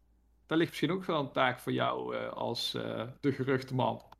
Ja, is wel leuk om eens een keer te gaan zoeken inderdaad. Van wat is er nou uiteindelijk uitgekomen in een jaar en wat niet? Oh, dat Bam. is wel vet. Dat is wel interessant te doen, ja. Zal vast goed. wel iemand Zullen zijn even dat nadenken. Wie weet. Ja, er zal vast een website zijn, dat moet ik even zoeken. Komt goed. Of maak hem. weet vaak wel zulke dingetjes. dat vragen. Die weet vaak wel zulke dingen. Maar eh, ja, dat was eigenlijk een beetje in het kort eh, wat er al... Nee, nee, nee, we hebben er nog één Oh, die jij oh, oh. vergeten bent. Oh, oh. Die jij vergeten bent. Ho ho. Mijn lang verwachte. Ik ben dus een insider, hè, jongens. En ik heb het dus al heel lang gehad over een Mario game. Oh. Nee, nee, een game. Die Nintendo zomaar wel eens kan aankondigen. Namelijk Nintendo Dragons. Hè, dat je je eigen draakje moet aaien op een touchscreen en dat soort dingen. Zo. En dat gerucht is dus niet uitgekomen. Maar er is nu wel een gerucht voor Nintendo's voor de smartphone. En dus Is vind dat- ik dat ik toch wel in de goede richting zat. En credits verdiende als insider. Is dat Nee. een eh, gerucht of is dat gewoon de basis van een patent? en aannames? Dat weet ik niet. Eh, Jij bent hier de geruchten slash roddelman. Nou, wat eh, wat is, weet eh, jij ervan eh, in jouw Wat ik ervan weet is dat er een eh, patent is eh, gevonden waar eh, Nintendox te zien was op een, eh, op een telefoon. eh, die je dan via AR in je huiskamer kon laten rondlopen. Waardoor de aanname is ontstaan dat misschien Nintendo bezig is met een Nintendox op de telefoon. En ik kan je vertellen, dat gaat lekker veel geld opleveren. Mhm, Dat denk ik ook, ja. Dat sowieso. weet ik Ik wel heb- zeker. Dat Ja. Als, dat, eh, als je zeg maar Pokémon Go met Nintendox gaat doen, dat gaat hartstikke goed werken. Nice. Ja, zeker maar, in... eh, even, ik wil een hele kleine kanttekening. Het was ne- de, nergens in dat eh, patent staat specifiek benoemd dat het om Nintendox gaat. Als het goed is. Volgens mij was er Nee, gewoon het een afbeelding met een Met hondje. een hondje. Ja, Ja, dat ja, klopt. ja. De En het was is... Dat dat Nintendox is. Ja, ja, ja. Heel goed, Erik. Dat Dankjewel zijn de nuances waar we wat mee kunnen. Ja, eh, hij zegt binnen een half uur is hij van clickbait naar gewoon feitelijke Erik gegaan. Van clickbait Ja. Erik naar feitelijke Erik. Sorry jongens, ga, ga verder. Dat is de Ik hoogste hou, die meer van, ik, hou, ik, hou, ik hou meer van feitelijke Erik. ja, same.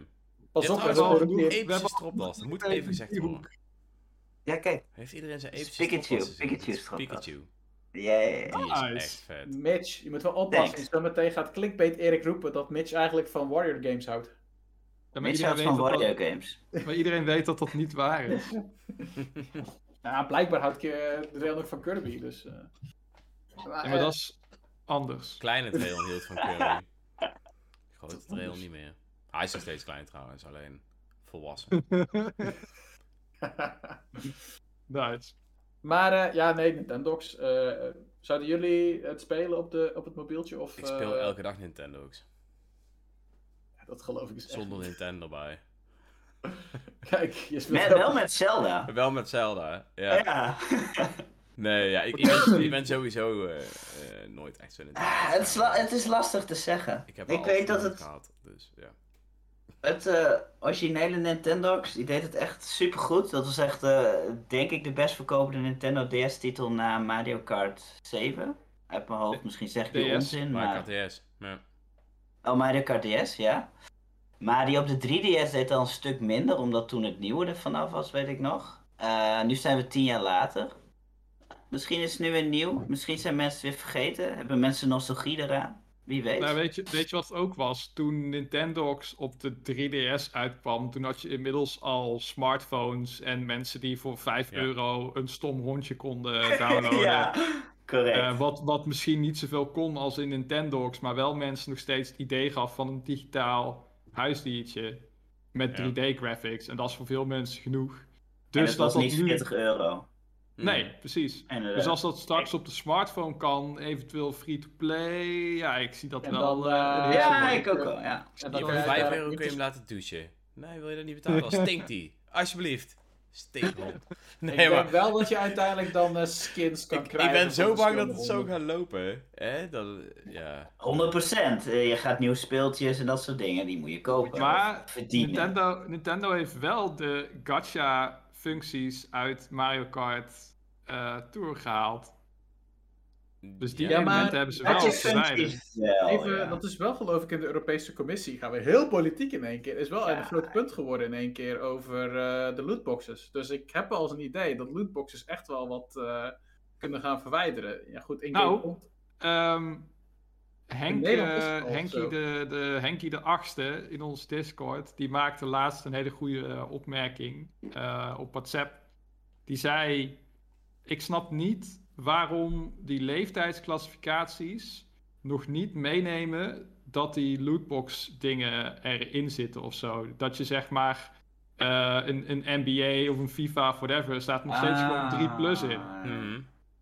Dus dat hele lootbox ding is een ding, in, eh, met name in Nederland en, eh, en België zeg maar, dat daar echt wel meer kritiek op komt en zo. Maar tegelijkertijd kijkt de leeftijdsclassificatie alleen nog steeds maar naar de inhoud van een spel. En Het niet wordt naar niet het gezien als gokken, verdienmodel. bedoel je? Ja. Nee, er wordt niet gekeken naar het verdienmodel. Terwijl ik denk Dat van, je zou kinderen daar ver uit de buurt bij moeten houden. Omdat die Want juist ik- het ik- gevoeligst zijn. Ik weet wel dat als Pokémon Red en Blue nu opnieuw zou worden uitgebracht, zou het minimaal een 12 plus classificatie krijgen, omdat er een casino-achtig element in zit, zeg maar. Ja, ja, en dat is dus, Dus- weer de inhoud van het spel. Maar omdat de lootboxes niet letterlijk een casino zijn, hebben de spellen Ah. dus nog steeds gewoon, volgens Henkie in ieder geval, ik heb het niet gecheckt, eh, een 3 plus rating. En volgens mij klopt dat ook gewoon. Ja. Anders mag iemand mij Dat verbeteren. is interessant. Lootboxes zijn in Nederland inderdaad verboden. Maar ik geloof als je ze met in-game currency kan krijgen of gratis kan krijgen, dan mag het nog wel. Ja. Oké. Dus het is Eh. alleen als je echt geld mag kopen, maar koopt, dan zijn ze geloof ik... eh, Ja, Zelfs al halen ze dat hele Gacha-systeem eruit, je kunt nog steeds dingen kopen. Maar dan weet Ja. je wat je koopt. En dat is het Ja. grote verschil, toch? Ik geloof Ja. dat een van de redenen dat. Oh, heet die game van Amazon? Was het van Amazon? Lost. Dat was een MMO die was uitgekomen van. oh, die speelde Patrick ook. Ik weet niet Ah, ben de naam kwijt. Ja, in ieder geval. Ja, Iedereen is, hem, iedereen is hem vergeten, maakt niet uit. Eh, in ieder geval, die game die, die kwam uit overal in de wereld, behalve in Nederland en België. Ja, maar we hebben ook best wel veel coole Nintendo games gemist. Of best wel veel. het- Eh Ninjala hebben, is hier nooit uitgekomen. New World Dragalia. Lost is nooit uitgekomen. Dat. Nee, die Pokémon game is ook nooit uitgekomen hier. Het was niet New. World, het was een Ani Lost World. Was het Lost World? Nee, Was het Dragalia Lost? Nee, het was een andere MMO. Nee, hij bedoelt die Amazon game, denk ik. Ja. Oh, Ja, het was niet New ik. World. Het, eh, ik weet het niet meer. Maakt er geen zak uit. Het is geen Nintendo game, dus. Oké, cool. Maar, ja, ja, I don't know. Het is... Eh Nintendo's, ik denk dat het leuk gaat zijn. Ben benieuwd. Oké, ja, ik ben... eh, ik denk dat er sowieso microtransacties in zitten, maar ik denk dat het ook weer een game zal zijn die je waarschijnlijk prima gratis kan. eh, Ik denk kan dat hij een beetje zo gaat doen als Pikmin Bloom. Ja? Ik, ik vraag me wel af. Want voor Als kinderen echt is dit die- natuurlijk f- makkelijker dan Pikmin Bloom, waarbij je de Ah, straat ja. et cetera. Dit is misschien wel een game die de kinderen tussen de 2 en de 6 jaar aan kan spreken of zo. Een nog net wat jongere leeftijd. Maar misschien moet je wel op stappen. Hè? Misschien moet je wel letterlijk met je telefoon in de zak eh, stappen maken om de hond uit te laten. Hè? Dan kan je de hond uitlaten terwijl je de hond uitlaat. Hey, Dat, wist, je exhibit. wist je dat ik, dat ik nog Yo, dog. Pokémon Go of Pikmin Bloom heb gespeeld terwijl ik de hond uitlaat? Dat is eigenlijk wel echt dom. Ja, dat zijn gewoon gratis stappen. Gemiste kans. Ja. Ja, ik ga het ook niet meer doen. Ja, maar je moet ook tijd En spenderen. je moet ook wel op de hond letten als je Ja. Loopt met hem, denk Ja. ik. Ik ben altijd Ja. heel teleurgesteld als ik in het echte leven een hond uitlaat en hij komt niet terug met een cadeautje uit de bosjes. Ja, dat zal Wat ik dan wel zo mooi. Want als zo hij mooi ingepakt terugkomt is. uit de bosjes, dan moet je het zo vlug mogelijk uit de bek pakken. Dus. Ah, Nintendo's. Ik had Nintendox geloof ik echt na enkele jaren weer aangezet. En ik had het idee van, ja, die honden zijn ondertussen wel weggele- weggerend. En uiteindelijk... eh, Hij was hij heeft net zo blij om jou te zien, hè. En dat is het mooie Yep. aan honden. Yep, zelfs game is ook gewoon eh, al 17 jaar oud, jongens. Nee, die game is heel oud? Ja, man. 2006 of zo. Een Was dat ook de 17 tijd van braintraining? Ja. Dat is ook braintraining tijd, ja. Ja. Ja, ja, ja. Mooie tijd, mooie tijd. Aapknul zegt, Ja. wat zou Dreon eerder spelen, Nintendo's of Kirby? Kirby. Oh, interessant. Honden verliezen het wel van de, van de roze blob. Ja, maar Leon heeft zijn eigen hond. honden, Dat is logisch. Oké, next. Want we hebben natuurlijk onze hoofdredacteur Erik hier eh, niet voor niks zitten. Hij is onze grote Pokémon-expert, zegt hij tenminste zelf. en eh, hij gaat... eh, Zeker. Heb je nou nog op kunnen geven of niet? Voor, eh, Ik, eh, ja, want ik zou me... Nee, trouwens. Oké. Nee. Nou, vertel, waarvoor zou je Tragisch. opnemen? Wat zou je gaan doen? Vertel. Nou, eh dat was eindelijk in Nederland, na corona, weer een, een, een officieel eh, Pokémon-toernooi. Georganiseerd door de Pokémon Company. Die wordt Mhm. georganiseerd ergens in maart in Utrecht. Kan je het kaartspel spelen, kan je Pokémon Go spelen en kan je ook Pokémon Scarlet en Violet spelen. Ik was, ehm, het evenement was gratis. Dat was een miscalculatie voor mij, want daardoor was het na één minuut al helemaal uitverkocht. En ik was vergeten een account aan te maken, dus oei, oei, oei. ja. Dus, eh, ik was drie over acht. Je kon me acht uur inschrijven en ik, eh, het was helaas vol. Maar hebben ze Ehm, daarna niet gewoon een mail gestuurd met ik ben Pokémon-meester Erik? ja, ik ben, Pok- ik ben hoofdredacteur van N1UP. Nee, het had allemaal geen zin. Jij hebt het niet geprobeerd, hè? Ik heb het zeker niet geprobeerd. Nee, eh, Evelyn, die, eh, onze Evelyn, die, eh, die zei van je kan het eind februari nog een keer proberen. Want dan zijn er vast mensen die zich hebben opgegeven, maar dan uiteindelijk niet meer kunnen. Dus die tickets komen dan weer vrij. Ja, en nu ja. heb, ik weer, nu heb ik een account, dus wie Daar weet. gaan we voor. Zeker. maar, ehm, ja, Ja. Wat, houdt het wat houdt het in? Competitief Pokémon. Wat, wat doet het anders dan gewoon Pokémon spelen? Ja, even zien. Gewoon Pokémon spelen zoals we de games spelen, dat is Mhm. gewoon lekker 1 tegen 1. Dus meestal eh, spelen Pokémon, dan kom je een Pikachu tegen en dan zend je één Pokémon uit en dan probeer je die Pikachu te verslaan. Hmm. Eh, met competitief Pokémon eh, maken ze gebruik van het systeem wat in Ruby en Sapphire is geïntroduceerd. En dat is double battles. Dus je speelt 2 tegen 2. Of dat is niet helemaal waar. Je hebt twee Pokémon tegelijkertijd op het veld aan de ene kant en twee aan de andere kant. En dan speel je met vier Pokémon in totaal. Oké. Eh, dus wat dat eh, eraan doet, is dat het eh, eigenlijk Pokémon een soort eh, ja, schaken maakt. Het is, eh, Je moet Pokémon is- nadenken. Je moet nadenken over dingen. Ja. ja. En dat nadenken dat gaat iets verder dan alleen, oh, gras is goed tegen water en water is goed tegen vuur. En daar kun je eigenlijk de singleplay wel mee uitspelen. Maar dat Mhm. Gaat bij competitive denk ik net wat anders, eh, of niet Erik? Eh, Dan word je een beetje, meer. een beetje. Dan word je snel. eh, ja, ik wil ingemaakt wil ik niet zeggen, want op het begin is het. je wordt dan sneller ingemaakt, ja. Het, het, het, het grappige aan Pokémon is dat het eigenlijk gewoon op het eerste gezicht gewoon een kinderspelletje is.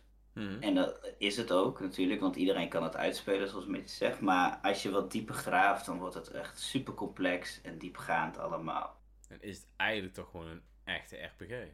Het is, eh, het is echt wel een echt RPG. Ja, je kan het best vergelijken met eh, eh, de Final Fantasies van wel eerder, de Bravely Defaults van de tegenwoordige tijd. Is een, kla- een klassieke Japanse RPG. Mhm. En dan misschien zelfs nog wel wat complexer dan dat, zeg maar. Omdat het eigenlijk een van de weinige RPG's is waar ze gewoon een hele competitief systeem omheen hebben verzonnen. Wat door eh, nou, honderden, duizenden, eh, tienduizenden mensen wel wordt gespeeld wereldwijd. En is dat nog redelijk gebalanceerd met de hoeveelheid Pokémons die je nu hebt? Hoe, hoe werkt dat? Ik bedoel, ja, hoe krijg je dat in hemelsnaam goed gebalanceerd? Je hebt natuurlijk altijd Pokémon die veel te sterk zijn en veel sterker zijn dan andere Pokémon. Mhm. Eh, maar in principe is alles best wel goed gebalanceerd. En wat ze, wat ze doen is op zich wel leuk, want ze beginnen eigenlijk heel klein. je hebt op dit moment eh, Pokémon Scarlet en Violet werkt met verschillende formats. En op dit moment eh, speel je alleen met de Pokémon die in de Pokédex van Scarlet en Violet te vangen zijn, zeg maar. Mhm. En wat ze dan gaan doen, dan wordt er straks DLC uitgebracht en dan worden die Pokémon toegevoegd. Dus dan wordt het alweer groter en complexer. En vaak zijn de Pokémon uit de DLC, dat zijn vaak naar de meer de legendarische Pokémon en de meer de iets sterkere. Dus dan wordt het niveau iets hoger, worden de Pokémon krachtiger, dan worden de aanvallen sterker.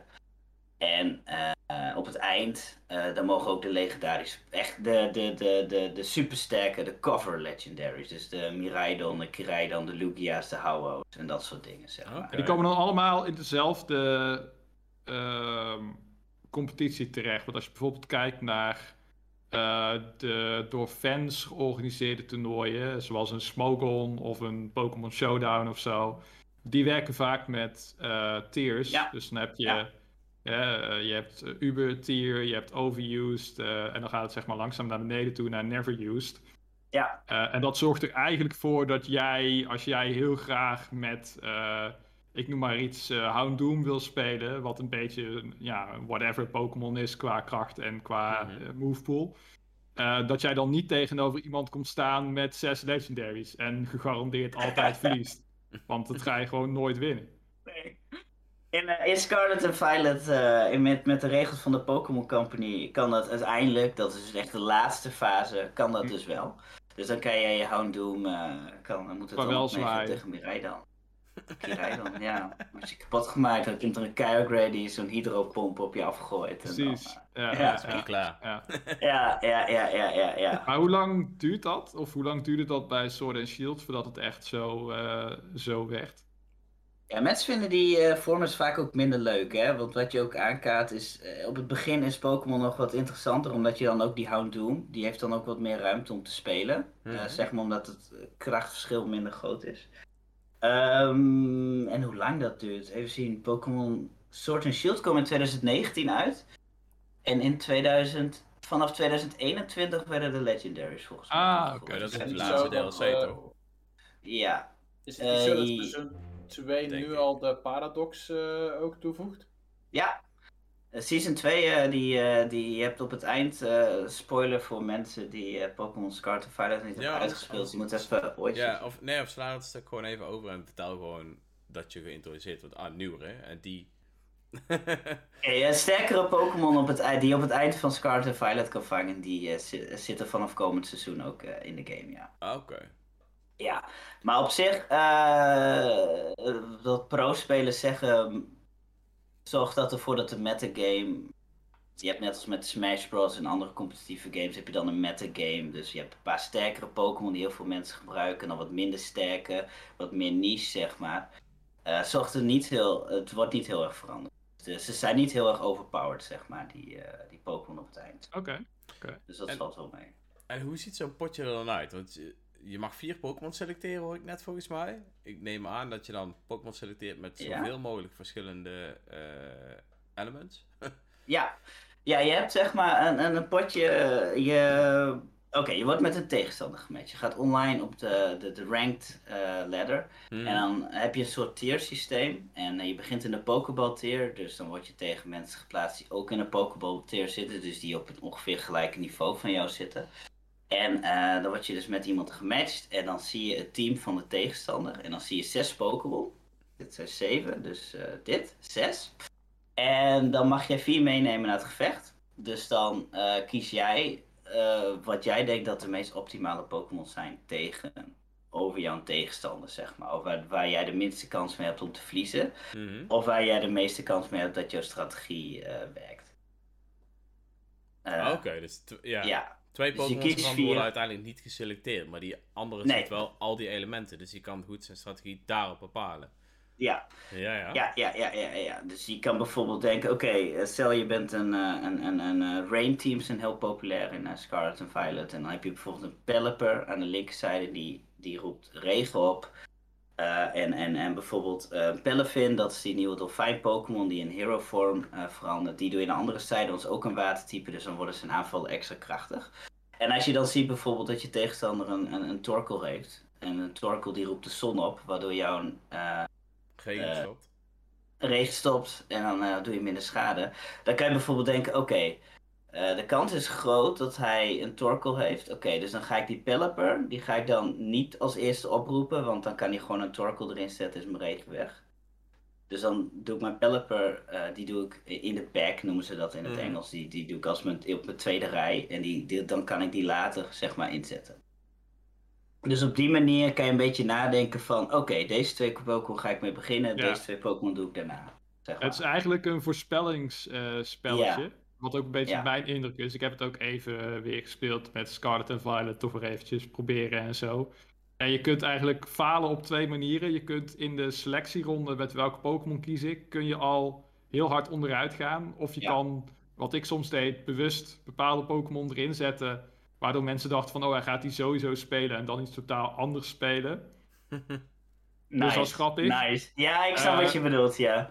En je kan eh, tijdens eh, het gevecht zelf, eh, is het volgens mij een van de dingen die het allerbelangrijkste is, is dat je voorspelt eh, wanneer je tegenstander een aanval gaat gooien of wanneer die gaat switchen. Als hij van Pokémon wisselt. Ja. Want soms dan denk jij van, oh, als deze Pokémon nu een aanval gooit, gaat dat best wel pijn doen. Maar als hij gaat switchen, hè, want omdat je dan jouw tweede Pokémon, die is dan sterk tegen zijn Pokémon, dus er ook, is er ook een kans dat hij gaat switchen. Maar als hij gaat switchen, dan kun jij gratis eh, Ja, een of andere aanval doen om bijvoorbeeld je aanval sterker te maken of je verdediging sterker te Ja. maken, hè, jezelf te buffen.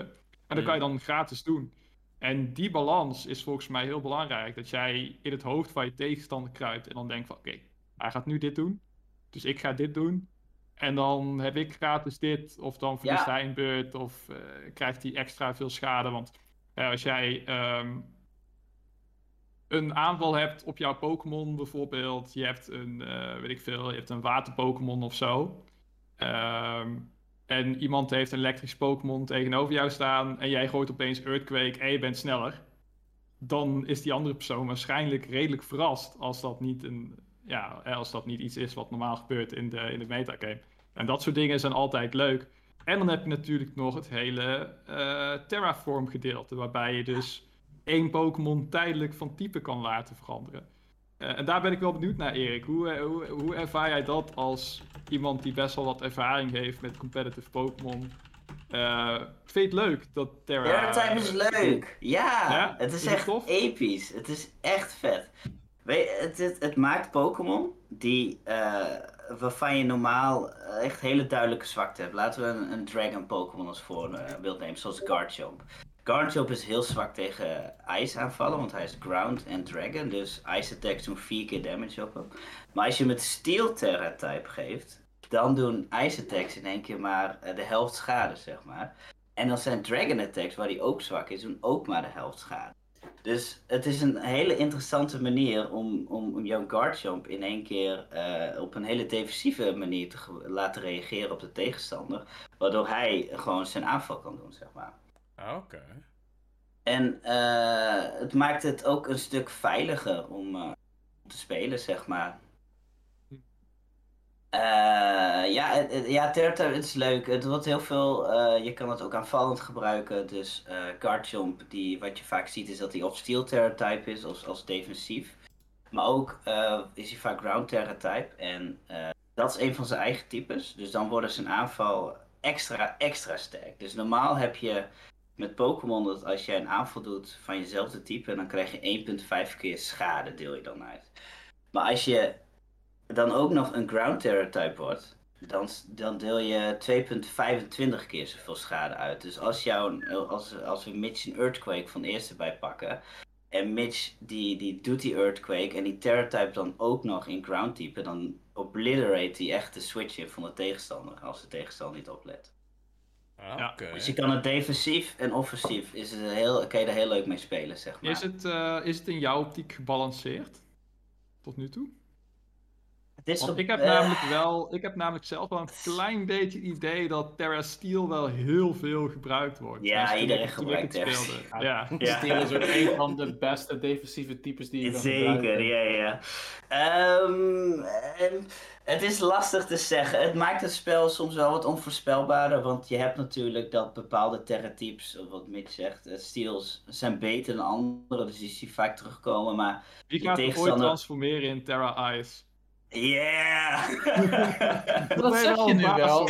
nou, offensief is het ijs wel goed. Maar de defensief eh, zou ik het niet gebruiken, denk ik. Maar je zegt dat nu wel, maar nu met ik geloof dat ze nu eh, ook sneeuw hebben toegevoegd in plaats van heel in de game. Waardoor Ja. de defense ook omhoog gaat als ijstype. En ik denk in sommige gevallen dat het nog verbazingwekkend een goed type kan zijn als verrassing. Omdat mensen het juist niet verwachten. Het Verrassing, blijft eh, ja. Het blijft Ice. Maar ik, zie trouwens, ik zie trouwens een vraag van, eh, van Daan. Ehm, ga proberen alles uit te spreken. Eh, Erik, gebruik je het zelf liefst eh eh, eh, baton passers, spinners, spinblokkers, walls, stallers, tanks, sweepers, support, hazers en phasers, clerics, healers of lurry team? In welke combinatie? I love it. ik herken al die, al die termen. Eh, Oh, mooi, want ik de, de helft van die termen, die zijn vooral op singles eh, van toepassing. Eh, single, eh, single metagame en double metagame is wel echt heel anders. Single game, wat Mitch zegt, dat werkt heel veel op switchen. En je moet heel erg voorspellen wat doet je tegenstander. En eh, doubles is meer wat defensiever. Eh, dus daar gebruik je ook dingen als protect. Eh, is dat, zo, dat soort dingen is heel belangrijk. Oké. Dus dingen als ja, bait pass, spinners, walls, walls, stallers en dat soort dingen is heel, eh, heel belangrijk in eh, singles. Dus ik zal zeggen, ik denk sweepers. Ja, sweepers is eh, heel handig in VGC en support ook. Dus support Pokémon zijn bijvoorbeeld Pokémon die of, ofwel de aanvalskracht van je tegenstander verlagen, ofwel jou een boost geven, zoals Tailwind is een hele interessante en belangrijke Ja, ja, ja, je ziet heel veel Murkrows en dat soort dingen. Murkrow, ja. Ja, ik snapte er helemaal niks van. Ik dacht echt van, wat doet deze zwakke vogel eh, in mijn competitive eh, Pokémon? Want ik had dus eh, Ja. zo'n team... Ik had, ik had zo'n team geprobeerd via een rental code. En via Reddit had ik dan zo'n team gevonden. Ik denk, ah, dan vul ik die in, hoef ik die Pokémon niet te trainen. Wat ik trouwens een hele relaxed Goeie, goeie functie, functie ja. vind. Ik had meteen een probleem. Ik wist totaal niet hoe ik dat team moest spelen. Dus ik gooide maar gewoon twee keer mijn Burkrow als eerste erin en Tailwind. En daarna ging hij dood. Let's want hij kon, eigenlijk, hij kon eigenlijk verder niks meer. Nee. Had ik het idee. nee, dat is wel het nadeel aan eh, niet je eigen team maken. Dat je niet meteen weet hoe het eh, speelt. Maar jij vindt, Eh, jij ja? vindt de single leuker dan dubbel? Nee, Double vond hij leuk, toch? Ik vind dat wel leuker. Maar ik heb ook wel singles gespeeld. Ik ben met singles eh, begonnen op Smogon. Excuus, ik, eh, want ik wou zeggen, ik- dubbel is ook veel leuker naar mijn idee. Du- doubles is eh, leuker, maar ook eh, veel complexer. Dus eh, het is, het is leuk. Als je, als je het een beetje erin zit, is het echt leuk. En Doubles- Doubles heb- allemaal attacks die heb- meerdere Pokémon raken, et cetera. Ja. Is dat niet Earthquake, Dan, ja, die Earthquake. raakt bijvoorbeeld iedereen in plaats van alleen de tegenstander in doubles. ja, Maar ja. ik heb- Ja. Ik heb op, eh, ik heb zeg maar enkele eh, YouTubers die ik volg die best wel leuke teams eh, soms maken. Echt dat ze zeggen van ik ga deze Pokémon helemaal highlighten, hoe je deze echt Ja, goed kan maken. En ehm, ja, gewoon simpele dingen zoals een Tinkertong om hu- huge power te geven bijvoorbeeld. Of je gaat een Dancer team maken, dat je die Flamingo gebruikt die opeens Dancer heeft geloof ik. En dan... eh, Die Flamingo is echt heel goed. Ja, het is echt uniek om te zien wat mensen er allemaal mee verzinnen. En dan denk ik van, yo, dit is zo vet, ik wil de tijd te stoppen. En dan... dan, dan Kijk je naar je stapel met games. ik, Ja. Nou Kijk ja, naar mijn kamer. wat, Oh. wat ik wel jammer vind, is dat het wel nog steeds heel traag aanvoelt. En je hebt maar één eh, eh, veldje om op te spelen, als het ware. En de, de verbinding, ja, mensen hebben wel tijd om over hun moves na te denken, maar ook na gevecht. En het loopt allemaal net niet zo snel en soepel, denk ik, als zou, zou kunnen. En ik vind ook, en ik weet niet in hoeverre jij het daarmee eens bent, Erik, maar ik vind ook dat het contrast tussen de main game en competitive spelen is nog steeds veel te groot. Veel te groot. Eh, eerst had je de Battle Tower natuurlijk. Ze hebben het groter gemaakt, inderdaad. Eh, ik denk dat door die Battle Tower weg te halen. Ja, Ja. dan is het echt een rare. ik- Ja. Ik vind dat. Ja. Je had, je had echt best wel uitdagende gevechten in die eh, Battle Tower. Ja, Volgens mij ook tegen eh, Pokémon die ge-EV-traind waren. Dus die het maximale uit hun genetische materiaal gehaald hadden. Om het even simpel uit te leggen. Ehm, ja. wat je normaal nooit ziet in de singleplayer. Omdat ja, alle computers die gebruiken in feite gewoon eh, normale Pokémontjes. Zoals jij ze ook eh, vangt in het wild. En niet van die genetisch gemanipuleerde superbeesten die je in eh, competitive eh, eh, speelt. Want dat is wel het ding. Je moet die beesten vol met drugs gooien als je ze een beetje competitive wil maken. En dan denk ik ook Ja, wel eens van hoe kindvriendelijk is dat? Je eigen team maken, daar ben je zo eh, een paar avondjes eh, mee Ja, bezig. ja. ja. Ik wil nog even Ja, dan- reageren op daar. Als, of wil jij wat zeggen? Nee, ga maar eens op Daan. Oké. Ik, eh, ik Ja, er het zijn we mooie, wat mooie vragen Eh. voor jou, Pokémon-meester Erik. Neerleep met Ragefish, Shadowclaw, Close Combat en vooral Final Gambit. Nou, je mag maar vier van die vijf kiezen, maar neerleep is echt supergoed. een van de beste eh, Pokémon, dus zeker. Eh, Final Gambit is een hele interessante aanval, want dat is een soort nuke. Eh, wat die aanval doet is, eh, jij valt met zoveel HP aan als dat je hebt. Eh en Neerleep heeft iets van 200 plus HP, dus dan doe je 200 plus schade op je tegenstander, gegarandeerd. Maar dan ga je wel dood. Dus het is echt een soort eh, kamikaze aanval, zeg maar. Maar het is, wel, het is heel goed in competitive. Wat vond je van de Last Resort eh, Gravehound? Of was het La- Last Respect? Last respect. Die is heel goed in singles. Volgens mij is die eh, meteen geband in singles, van wat ik gehoord heb. Eh, Last respect, die doet eh, schade van als je Pokémon dood zijn. Dus als jouw vijf van de zes Pokémon dood zijn. eh, voor elke Pokémon die dood is, doet hij 50 schade meer uit mijn hoofd. Dus dan Meen doet hij echt een aanval van 300 of zo. Het slaat helemaal nergens op, ja. Ja. Super sterk. In FVGC is hij dus iets minder overpowered, omdat er dan maar eh, maximaal drie kunnen doodgaan voor jou. Dus dan heb je 150 pp, misschien 200. Dus iets minder eh, sterk, maar nog steeds, eh, nog steeds best wel sterk, ja. ik zat zelf ook meteen te denken aan een Quagsire trouwens. Dat zie ik daar dan. Waterground is goed. Eh, even zien. Ehm, ik- kennen jullie allemaal de Pokémon Gaster dan? Ja. Die Slug uit Gen 4. Nou, die heeft ehm, de Worlds gewonnen vorig jaar. Dus dat is een Waterground Pokémon. Dus die is echt eh super goed. hij, eh, welke, welke ability had hij? Was het Water Absorb of eh, iets in die Oh, richting? Storm Drain had hij. Oh, dus alle wateraanvallen komen dan op hem, eh, zeg maar. Ja, Oh, damn. Dat is Ja, wel ik heftig. vind, Het is een goede, goede aanval. Ja, is een goede ability.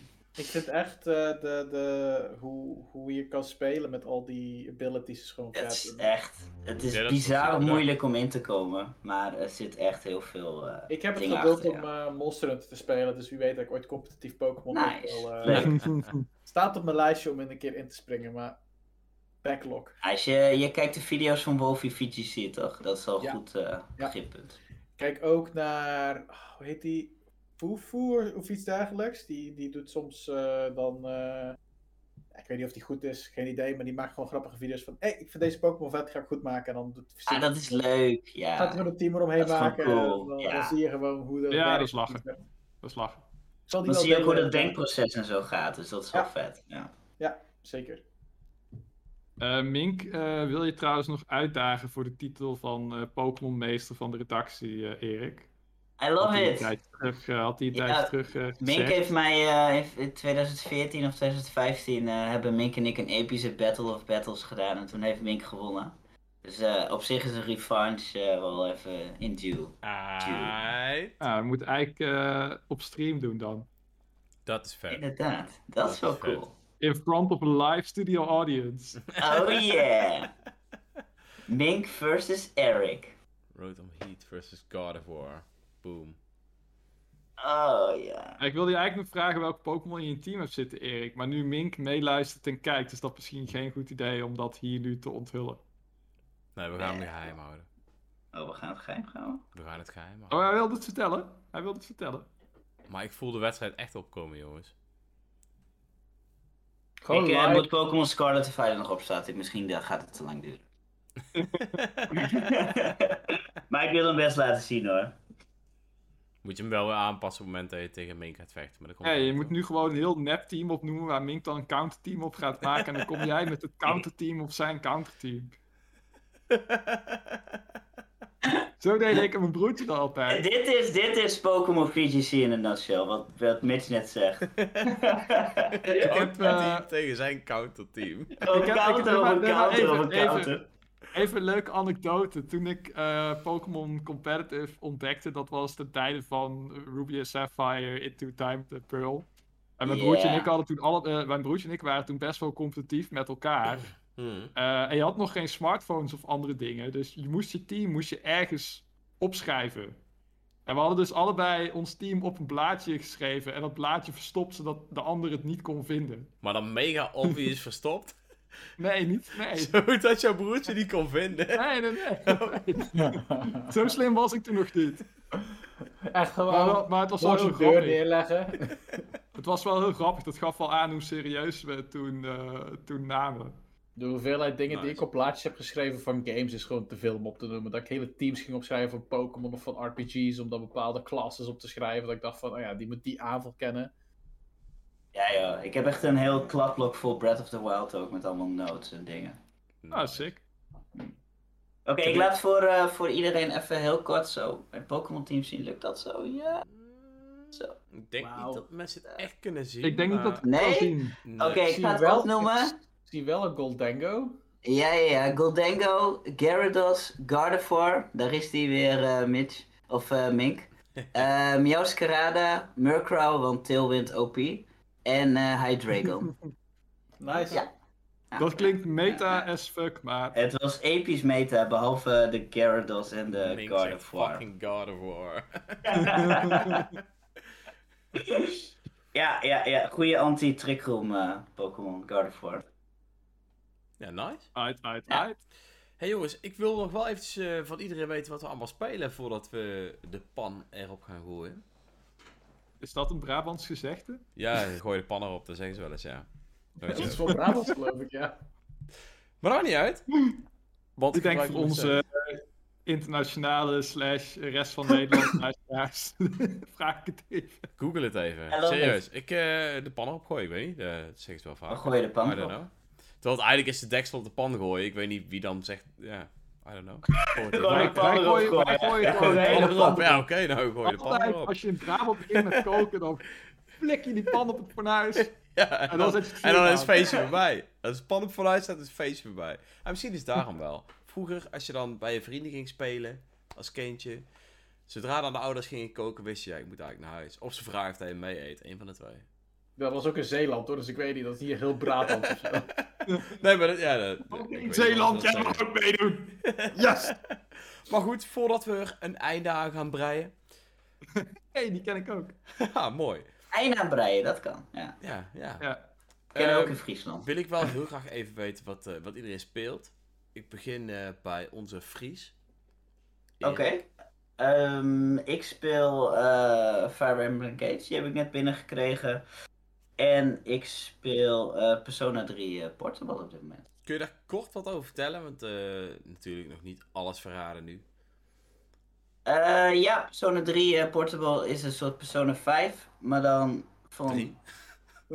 bijna 20 jaar geleden. Echt, volgens mij kwam die op de PlayStation 2 uit nog. Maar in essentie is het alles wat Persona 5 leuk maakt, maar dan iets ouder. eh, maar het is nog steeds even verslavend. Dus ik vermaak me er heel erg mee. Nice. Oké. Ja. En je kunt dus wel ook echt zien, zeg maar, ja, hoe Persona 5 Persona 5 is geworden. Denk ik. Ja, ja echt. Eh, eh, Persona 5 die is meer op Shin Megami Tensei gaan lijken. Uit mijn hoofd. Want volgens Hmm. mij Persona 3 kan je nog geen... Misschien wordt het later ontgrendeld, maar je kan nog niet na gevecht een persona aan je team toevoegen. Of met ze praten of dat soort dingen. Persona's die krijg je door middel van kaarten, eh, zeg maar. Random. Die na het einde van een gevecht eh, komen. En dan heb je een kans dat een van die kaarten een persona kaart is. En als je dan op het juiste moment op A drukt, dan, eh, dan krijg je die. Alright. Maar je kan ze wel al samenvoegen en al dat soort dingen. Ik weet echt helemaal niks van die game, maar ik kan me wel, Oh, sorry. ik kan me wel herinneren dat de hoofdpersonage volgens mij een geweer tegen het hoofd aanhouden of zo. Om, om- Ja, Dat is wel Ja. heftig, man. Dat is... het is echt sick. De eerste keer dat je het ziet, dan, ze, doen een eh, ze doen een geweer tegen je hoofd, dan schieten ze, dan klappen ze helemaal naar achteren. En dan komt hun persona eruit. Ah, Oké, dat is Eh, wel... dat, eh, dat, gaat, dat, gaat zelfs, dat Ja? gaat zelfs voor Brabant te ver. Dat is heftig. Nee, maar is in wel, Zeeland is dit normaal, dat doen wij ook, dat schieten we ook. En dan, eh, Het is ook echt wel een 16 eh, plus game. Dus ik zou het niet aan je jongere broertje, zusje of kind eh, geven, die game. ah, Oké. Maar eh, ja, klinkt, klinkt wel leuk hoor. Ik, eh, Dat is leuk. ik heb zelf... Het is een dungeon crawler. Oké. Ja, want, eh, ik, ik, ja ik, ik heb toevallig straks even vlug wat gekeken. Toen zag ik wat voorbij komen. En toen zag ik iets over die dungeons. En blijkbaar zijn die wel heel erg... Ja, wel heel erg herhalend, zeg maar. Ouderwets, Ja. ja. Maar Persona 5 die heeft al eigen gemaakte dungeons, zeg maar. Mhm. Is dit gewoon, Random ja, klassiek, random generated, Ja. ja. En elke floor lijkt ook echt op elkaar. Ja, dat vond ik met Shin Megami Tensei 3 ook heel erg. Dus ik kan me wel een beetje voorstellen wat je bedoelt. Ja. Oké. Robin. Ik ga in herhaling vallen. Ik speel eh, Fire Emblem Engage en ik speel Persona. vier. Jij speelt eh, Persona 4 Ik Golden, ben is eh, het met Persona mij, 4 hè? Golden bezig. Ehm, ja, het is eigenlijk Persona 5. maar dan nummer 4? Dan nummer 4. Nee, het is inderdaad, het is inderdaad je kan echt wel zien dat het heel veel elementen heeft van Persona, nou ja, dat Persona 5 heel veel elementen van Persona 4 heeft overgenomen. Mhm. Eh, het is verrassend goed verouderd, eh, naar mijn idee. Eh, want het is een PlayStation 2 slash PlayStation Vita titel. Maar, dan moet ik wel even, ik moet even woke Robin worden. Yeah. Ik moet wel zeggen dat, en dat zal ik later er nog meer over kunnen lezen. is, ik vind wel dat bepaalde thema's die het spel behandelt, wel op het randje van een grijs gebied zit. Of eigenlijk in een grijs gebied zit, punt. Eh, hoe vrouwen worden neergezet in deze game, of hoe bepaalde andere dingen worden neergezet in deze game. is soms wel zoiets van, Ja, je merkt dat de game echt voor mannen is gemaakt, zeg maar. ja, dat merk je in deze ook. En dat had ik bij Persona 5 Royal veel minder. Eh, dat was veel meer op een, ja, dat was meer deze tijd, zat ik het idee. Ja, tijden veranderen. Ja. Tijden Ja. veranderen, dat is heel normaal. Het is ook een re-release natuurlijk, dus je kan het ook niet helemaal kwalijk nemen. Eh, maar daarnaast is het ook wel grappig, want ik weet niet hoe dat bij Persona 3 is, maar in Persona 4 moet je dus een tv induiken om zeg maar naar de wereld van Persona te gaan. En dat zijn dan flatscreens. Ze zijn helemaal, helemaal lijp aan het doen over flatscreen. Dat is een nieuwe rage. Iedereen wil een flatscreen. En ik zat daarop te spelen op mijn 4K OLED. En ik denk van, wauw. Dat is wel even een Maar- verschil van tijd. Die 4K OLED is nog steeds een plat scherm. Dat is waar. Het is echt een heel eng plat scherm. Dat is waar. Dus wat hebben we nou bereikt in die... eh, Helemaal niks. Ja. Helemaal niks. Maar nu zijn ze Maar echt plat. nee, maar eh, Persona, Persona 4 Golden is best een, echt een leuke game. Maar wel de kritiek die, eh, die eh, Erik net gaf over de dungeons, dat ze eentonig zijn. eh, is hier ook het geval, inderdaad. Random generated en het is gewoon... Oh, je bent in een kasteel. Alles is gewoon één tunnel van kasteel. Oh, je bent in een hotpot. Stenen Oké. muur, alsjeblieft. Het is allemaal hout en stomig. En Ja. ja, ja dat tijdje heb je wel zoiets van: oké, ik word wel moe hiervan. Bij Persona 5 had ik wel zoiets van: hé, hey, leuk. Maar ja, hier ja, maar dat is denk ik ook wat, wat Erik aangeeft. Die waren echt handcrafted. Dat is gewoon Ja. echt... Ja, dat was het grote Ja. verschil inderdaad. Ja. Dus eh, ik zag trouwens nog een vraag van eh, Mink, denk ik. Moet ik 3, 4 of 5 als eerst spelen? Ik ben van 5, 4 en ik ga dan 3 spelen. Dus ik ga achter ik werk eh, terug in de tijd. Ehm, mocht je niet verwend willen zijn, zou ik eerst 3 spelen, dan 4 en dan 5. Want dan denk ik dat je ze allemaal gaat waarderen. Maar zou het niet ik kunnen kan- zijn dat als je een van de eerdere delen speelt, dat je dan, want het is natuurlijk al een flinke tijdsinvestering, dat je dan misschien 5 niet gaat spelen en de beste game mist? Zeg ik nou iets stoms? Vijf, moet, eh, vijf is wel essentieel. Die moet je ooit wel spelen. Ja. Die moet je ooit spelen. Dat is wel echt Ja. een spel, een must-play. Dat, moet ik wel zeggen. Ah, Persona 3 en 4 eh, moeten we niet vergeten. Die zijn ook echt maar 20 euro. Hè? Dus als je een gemakkelijk instappen game wil, dan is Zijn 3 ook- of 4 misschien Ja. wel interessanter. minder lang. Dat moet ik wel zeggen. En ze Ja. bieden, in ieder geval 4 biedt ook heel veel, eh, want over grinden Laten te Ehm, wat 4 ook heel goed doet is, ik weet niet of 3 dat ook doet. eh in deze versie kan je dus ook eh, jouw moeilijkheidsgraad op elke manier zelf aanpassen. Dus jij kan zeggen van ik wil het zo moeilijk mogelijk maken. Maar je kan ook zeggen van ik wil moeilijke vijanden. Maar ze geven wel meer experience en meer gold. Dus dat betekent dat je minder hoeft te grinden. Maar dat je wel meer moet nadenken in je gevechten bijvoorbeeld. Persona 3 Portable is 126 uur, volgens Google. Wat? Nee, ik had 60 euro opgezocht. Ja, ik had met Persona 4 heb ik ook 60. En Persona 4 How long Golden, to die is wel echt... eh eh, main plus extra is 86 en main story is ongeveer 70 uur. Oké. Jezus Christus. Persona, ik weet nog Persona 5 Royal. Dat ik dacht van, oh, ik ben 90 uur, ik ben bijna bij het einde. Heb ik nog twee, drie dungeons te doen. Ik denk, wat is dit nou? Ik was 120 uur verder voordat ik klaar was met Persona is, 5. Eh, het is 65, 126 uur is completionist. Dus dan doe je alles. Ah, het is oké. 65, 65 uur voor de main story. Wat raar dat... Eh, valt gelukkig. Dre- Google die Drail wilde je gewoon even laten schrikken. Nee, want- Ja, ja. ik dacht ook al. Nee, Google vulde hem automatisch aan op zoveel uur. Dus Dat, dat was volgend jaar een review, eh, dacht ik. alright, alright, alright. Maar eh, nee, dus... eh, nee, Persona 5 was wel lang. Dat moet ik wel zeggen. Dus... eh, Persona 5 is echt lang. Wel echt leuk lang, maar wel lang. Ja, main story is 102 uur. En main story plus sites is 123. Completion is dus 143. Nou, zal ik, Hey, dat is minder dan Xenoblade, toch? zal ik eh, mensen dan maar geruststellen? Ik ben momenteel niet bezig met Persona 5 Royal. Of met Fire Emblem Engage. Yeah. Oeh. Ik ben zelfs niet bezig met een RPG. Maar Maar ik ben wel Oh, heel veel tekst. Ik ben wel heel veel tekst en verhaal aan het lezen op het scherm. Want ik ben namelijk verder gegaan met The Great Ace Attorney. Ja, Nice. episch. Echt een vette game. Echt een vette game. Ik zit er weer helemaal in. Ik ben helemaal met die rechtszaken aan het nadenken over hoe dingen in elkaar zitten. Ehm, en wat ik echt heel cool vind aan die game, is dat het je ook echt verplaatst naar die tijdsperiode. En ook echt dingen uitlegt uit die periode.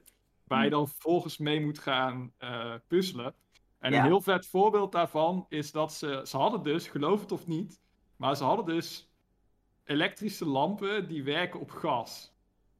Dus dan moest jij een eh, muntje doen in een apparaat wat bij jou thuis hing. Mhm. En dan kreeg jij zoveel gas. En met dat gas kon je dan die lamp brandend houden en je verwarming brandend houden.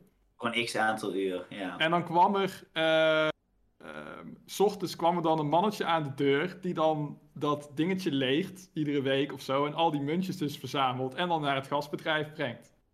En wat dus heel vet is, ehm, er is dus een mysterie, er is dus een eh, getuige die zichzelf presenteert als hè, heel eerlijk, heel eh, upstanding citizen, al die shit, weet je wel. En jij moet dus eigenlijk bewijzen dat hij niet te vertrouwen is. En ehm, heel mysterieus is iedere keer als dat gasmannetje naar hem toe komt om eh, het geld te cashen, zit er niks in. Maar hij heeft wel gas gebruikt. En Jij moet, jij moet dan uitzoeken hoe dat kan. En wat dan Ja, die is, je hebt dan- case. Ja. je hebt, dan dus, je hebt dan dus een stukje zeep gevonden in zijn kamer. Waar dan, als je dat stukje zeep op jouw eh, switch omdraait, dan zie je dat er aan de achterkant een cirkelvormige eh, inkeping is gemaakt. En wat hij dan doet, is hij doet dan water in die inkeping. En het is buiten fucking koud en dan bevriest dat. En dan heeft hij dus een munt van ijs die hij in, die, eh, in dat gas eh, dingetje doet, zeg maar, om mee te betalen. En dat vond ik zo vet. En als je dan die gasautomaat nog omdraait, dan zie je dat er aan de onderkant een gaatje is gemaakt, zodat dat water wat gesmolten is en gewoon vervolgens weer uit kan lopen, zodat het geen bewijs achterlaat. En toen dacht ik echt van, dit is zo vet gedaan, Nani? dat je eigenlijk moet gaan nadenken van, hoe kan ik een begin 19e eeuws gasbedrijf oplichten? Ja, Phoenix Wright, eh, of nee, het heet geen Phoenix, eh, Phoenix Wright, ehm, Great Ace The Great Attorney Ace, The. Great Ace Attorney leert jou dat. En dat vind ik tof. Nice. Je hoort het. Hele game is gespoild, maar verder eh, goed verhaal. Dat, het, nou ja, het Nee. grappige is, dat is dus één klein dingetje uit één Ja, zaak. En daar zit Ja, al correct. zoveel detail in ja, verstopt. Echt, echt. Ja, dat is wel tof tof. gedaan. Echt tof gedaan. Oké. Dus eh, ik speel lekker verder. Ik eh, ben nu bij de derde case. En ik voel dat de finale en alle antwoorden en over het grotere overkoepelende verhaal eh, eindelijk in zicht komen. Dus ik ben heel benieuwd.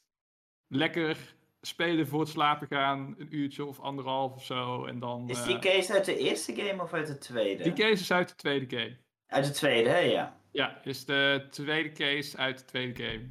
ja. Oké. Nice. Met die eh, gast die praat alsof hij in eh, Shakespeare zit.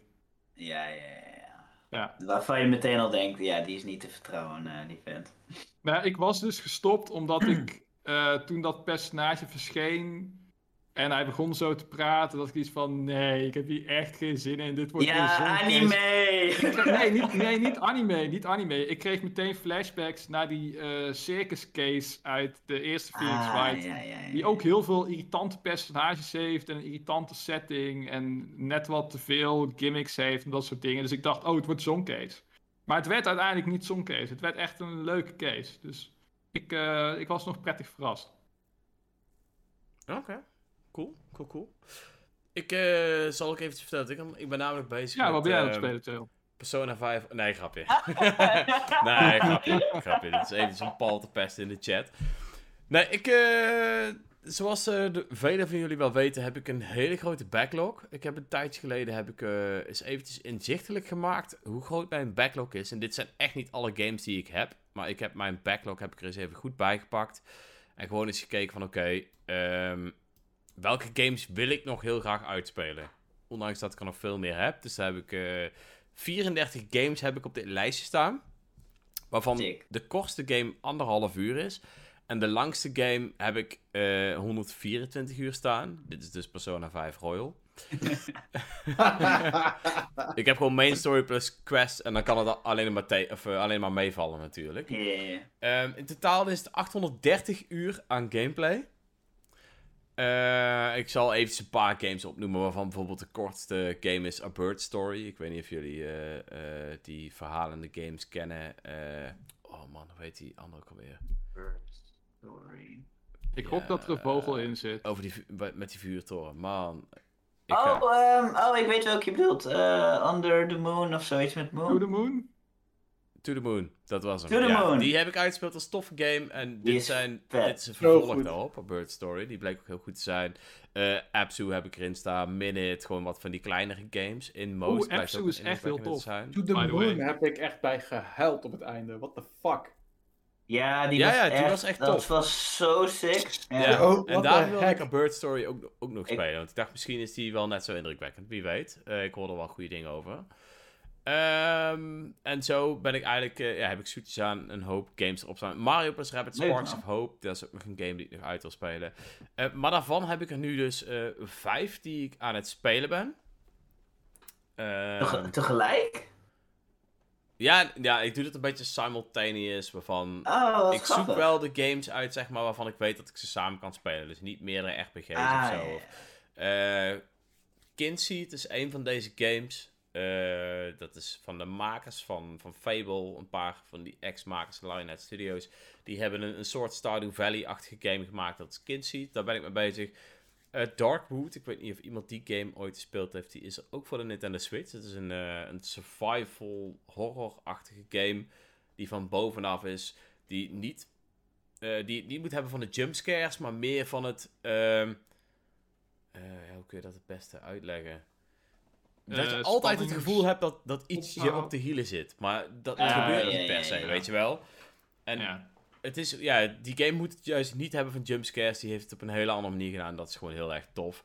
Eh, verder ben ik ook nog bezig met even kijken. Pokémon Violet natuurlijk. Dat is een van de games die nu bovenaan mijn lijst staat die ik best veel speel. Ik heb overigens nu eh, de gyms verslagen, de Titan Path gehaald en ook, ehm, hoe heet dat, die eh, Team Star verslagen. En Heb, je lopen, ja. eh, heb je al lopen hakken in je kamer? Nee, nog niet. Ben jij... eh, Wat? nou, Hakken in je kamer. Oh, dat bedoel je. Ja, ja, ik, eh, ja, ja, ik, is, ik was degene die een het zei in de hardstel- Discord. Ja, Hardstelnummer in. Er zit een Eh, hardstelnummer in. ja Oh, wat grappig. het battleteam van de eindbaas van Team Star is, is gewoon een soort van... Ja, er zit een, een niet per se echt hardcore beat in, maar er lijkt er Nee, wel heel veel hardstyle. op. Maar wel Het een hap- Er zit een het is- hardstel kick in. het is happy Nee. hardcore. Ja, ja, het is meer happy hardcore-achtig, ja. Het is, eh, het, het is wat. Oh, ik weet welk liedje.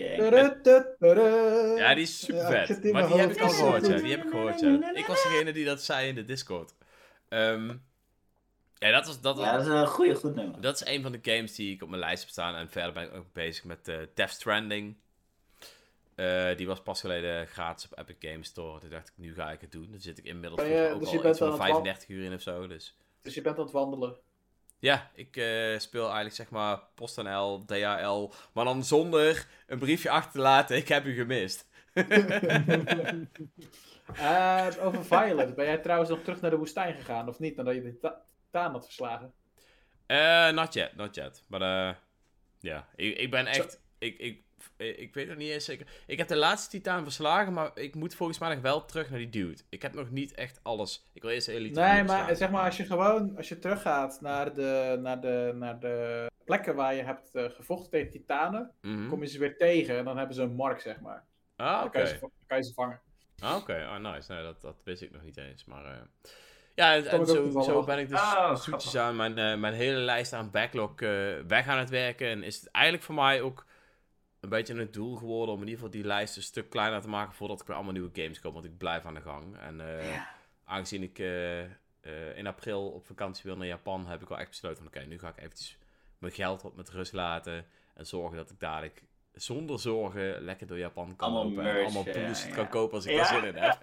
Bullshit, ja. en alles kan eten wat ik wil eten. Dus eh, ja, dat Ah, is leuk man. een beetje... Nice, nice, nice. Dus eh, ja, ik eh, denk dat dit een was, jongens. Ik eh, wil jullie in ieder geval allemaal bedanken voor het luisteren. Ik wil vooral mama en Erik even bedanken dat hij nu eindelijk bij de podcast is. En laten we hopen dat hij als hoofdredacteur ook wat vaker bij de podcast gaat komen. No pressure. gewoon No on-air pressure. dwingen. Goed. nou ja, super tof. Was, eh, was leuk. Was En, gezellig, eh, jongens. Ja. En Leuk, eh, hè? alle luisteraars natuurlijk weer super bedankt. En tot de volgende keer. Later.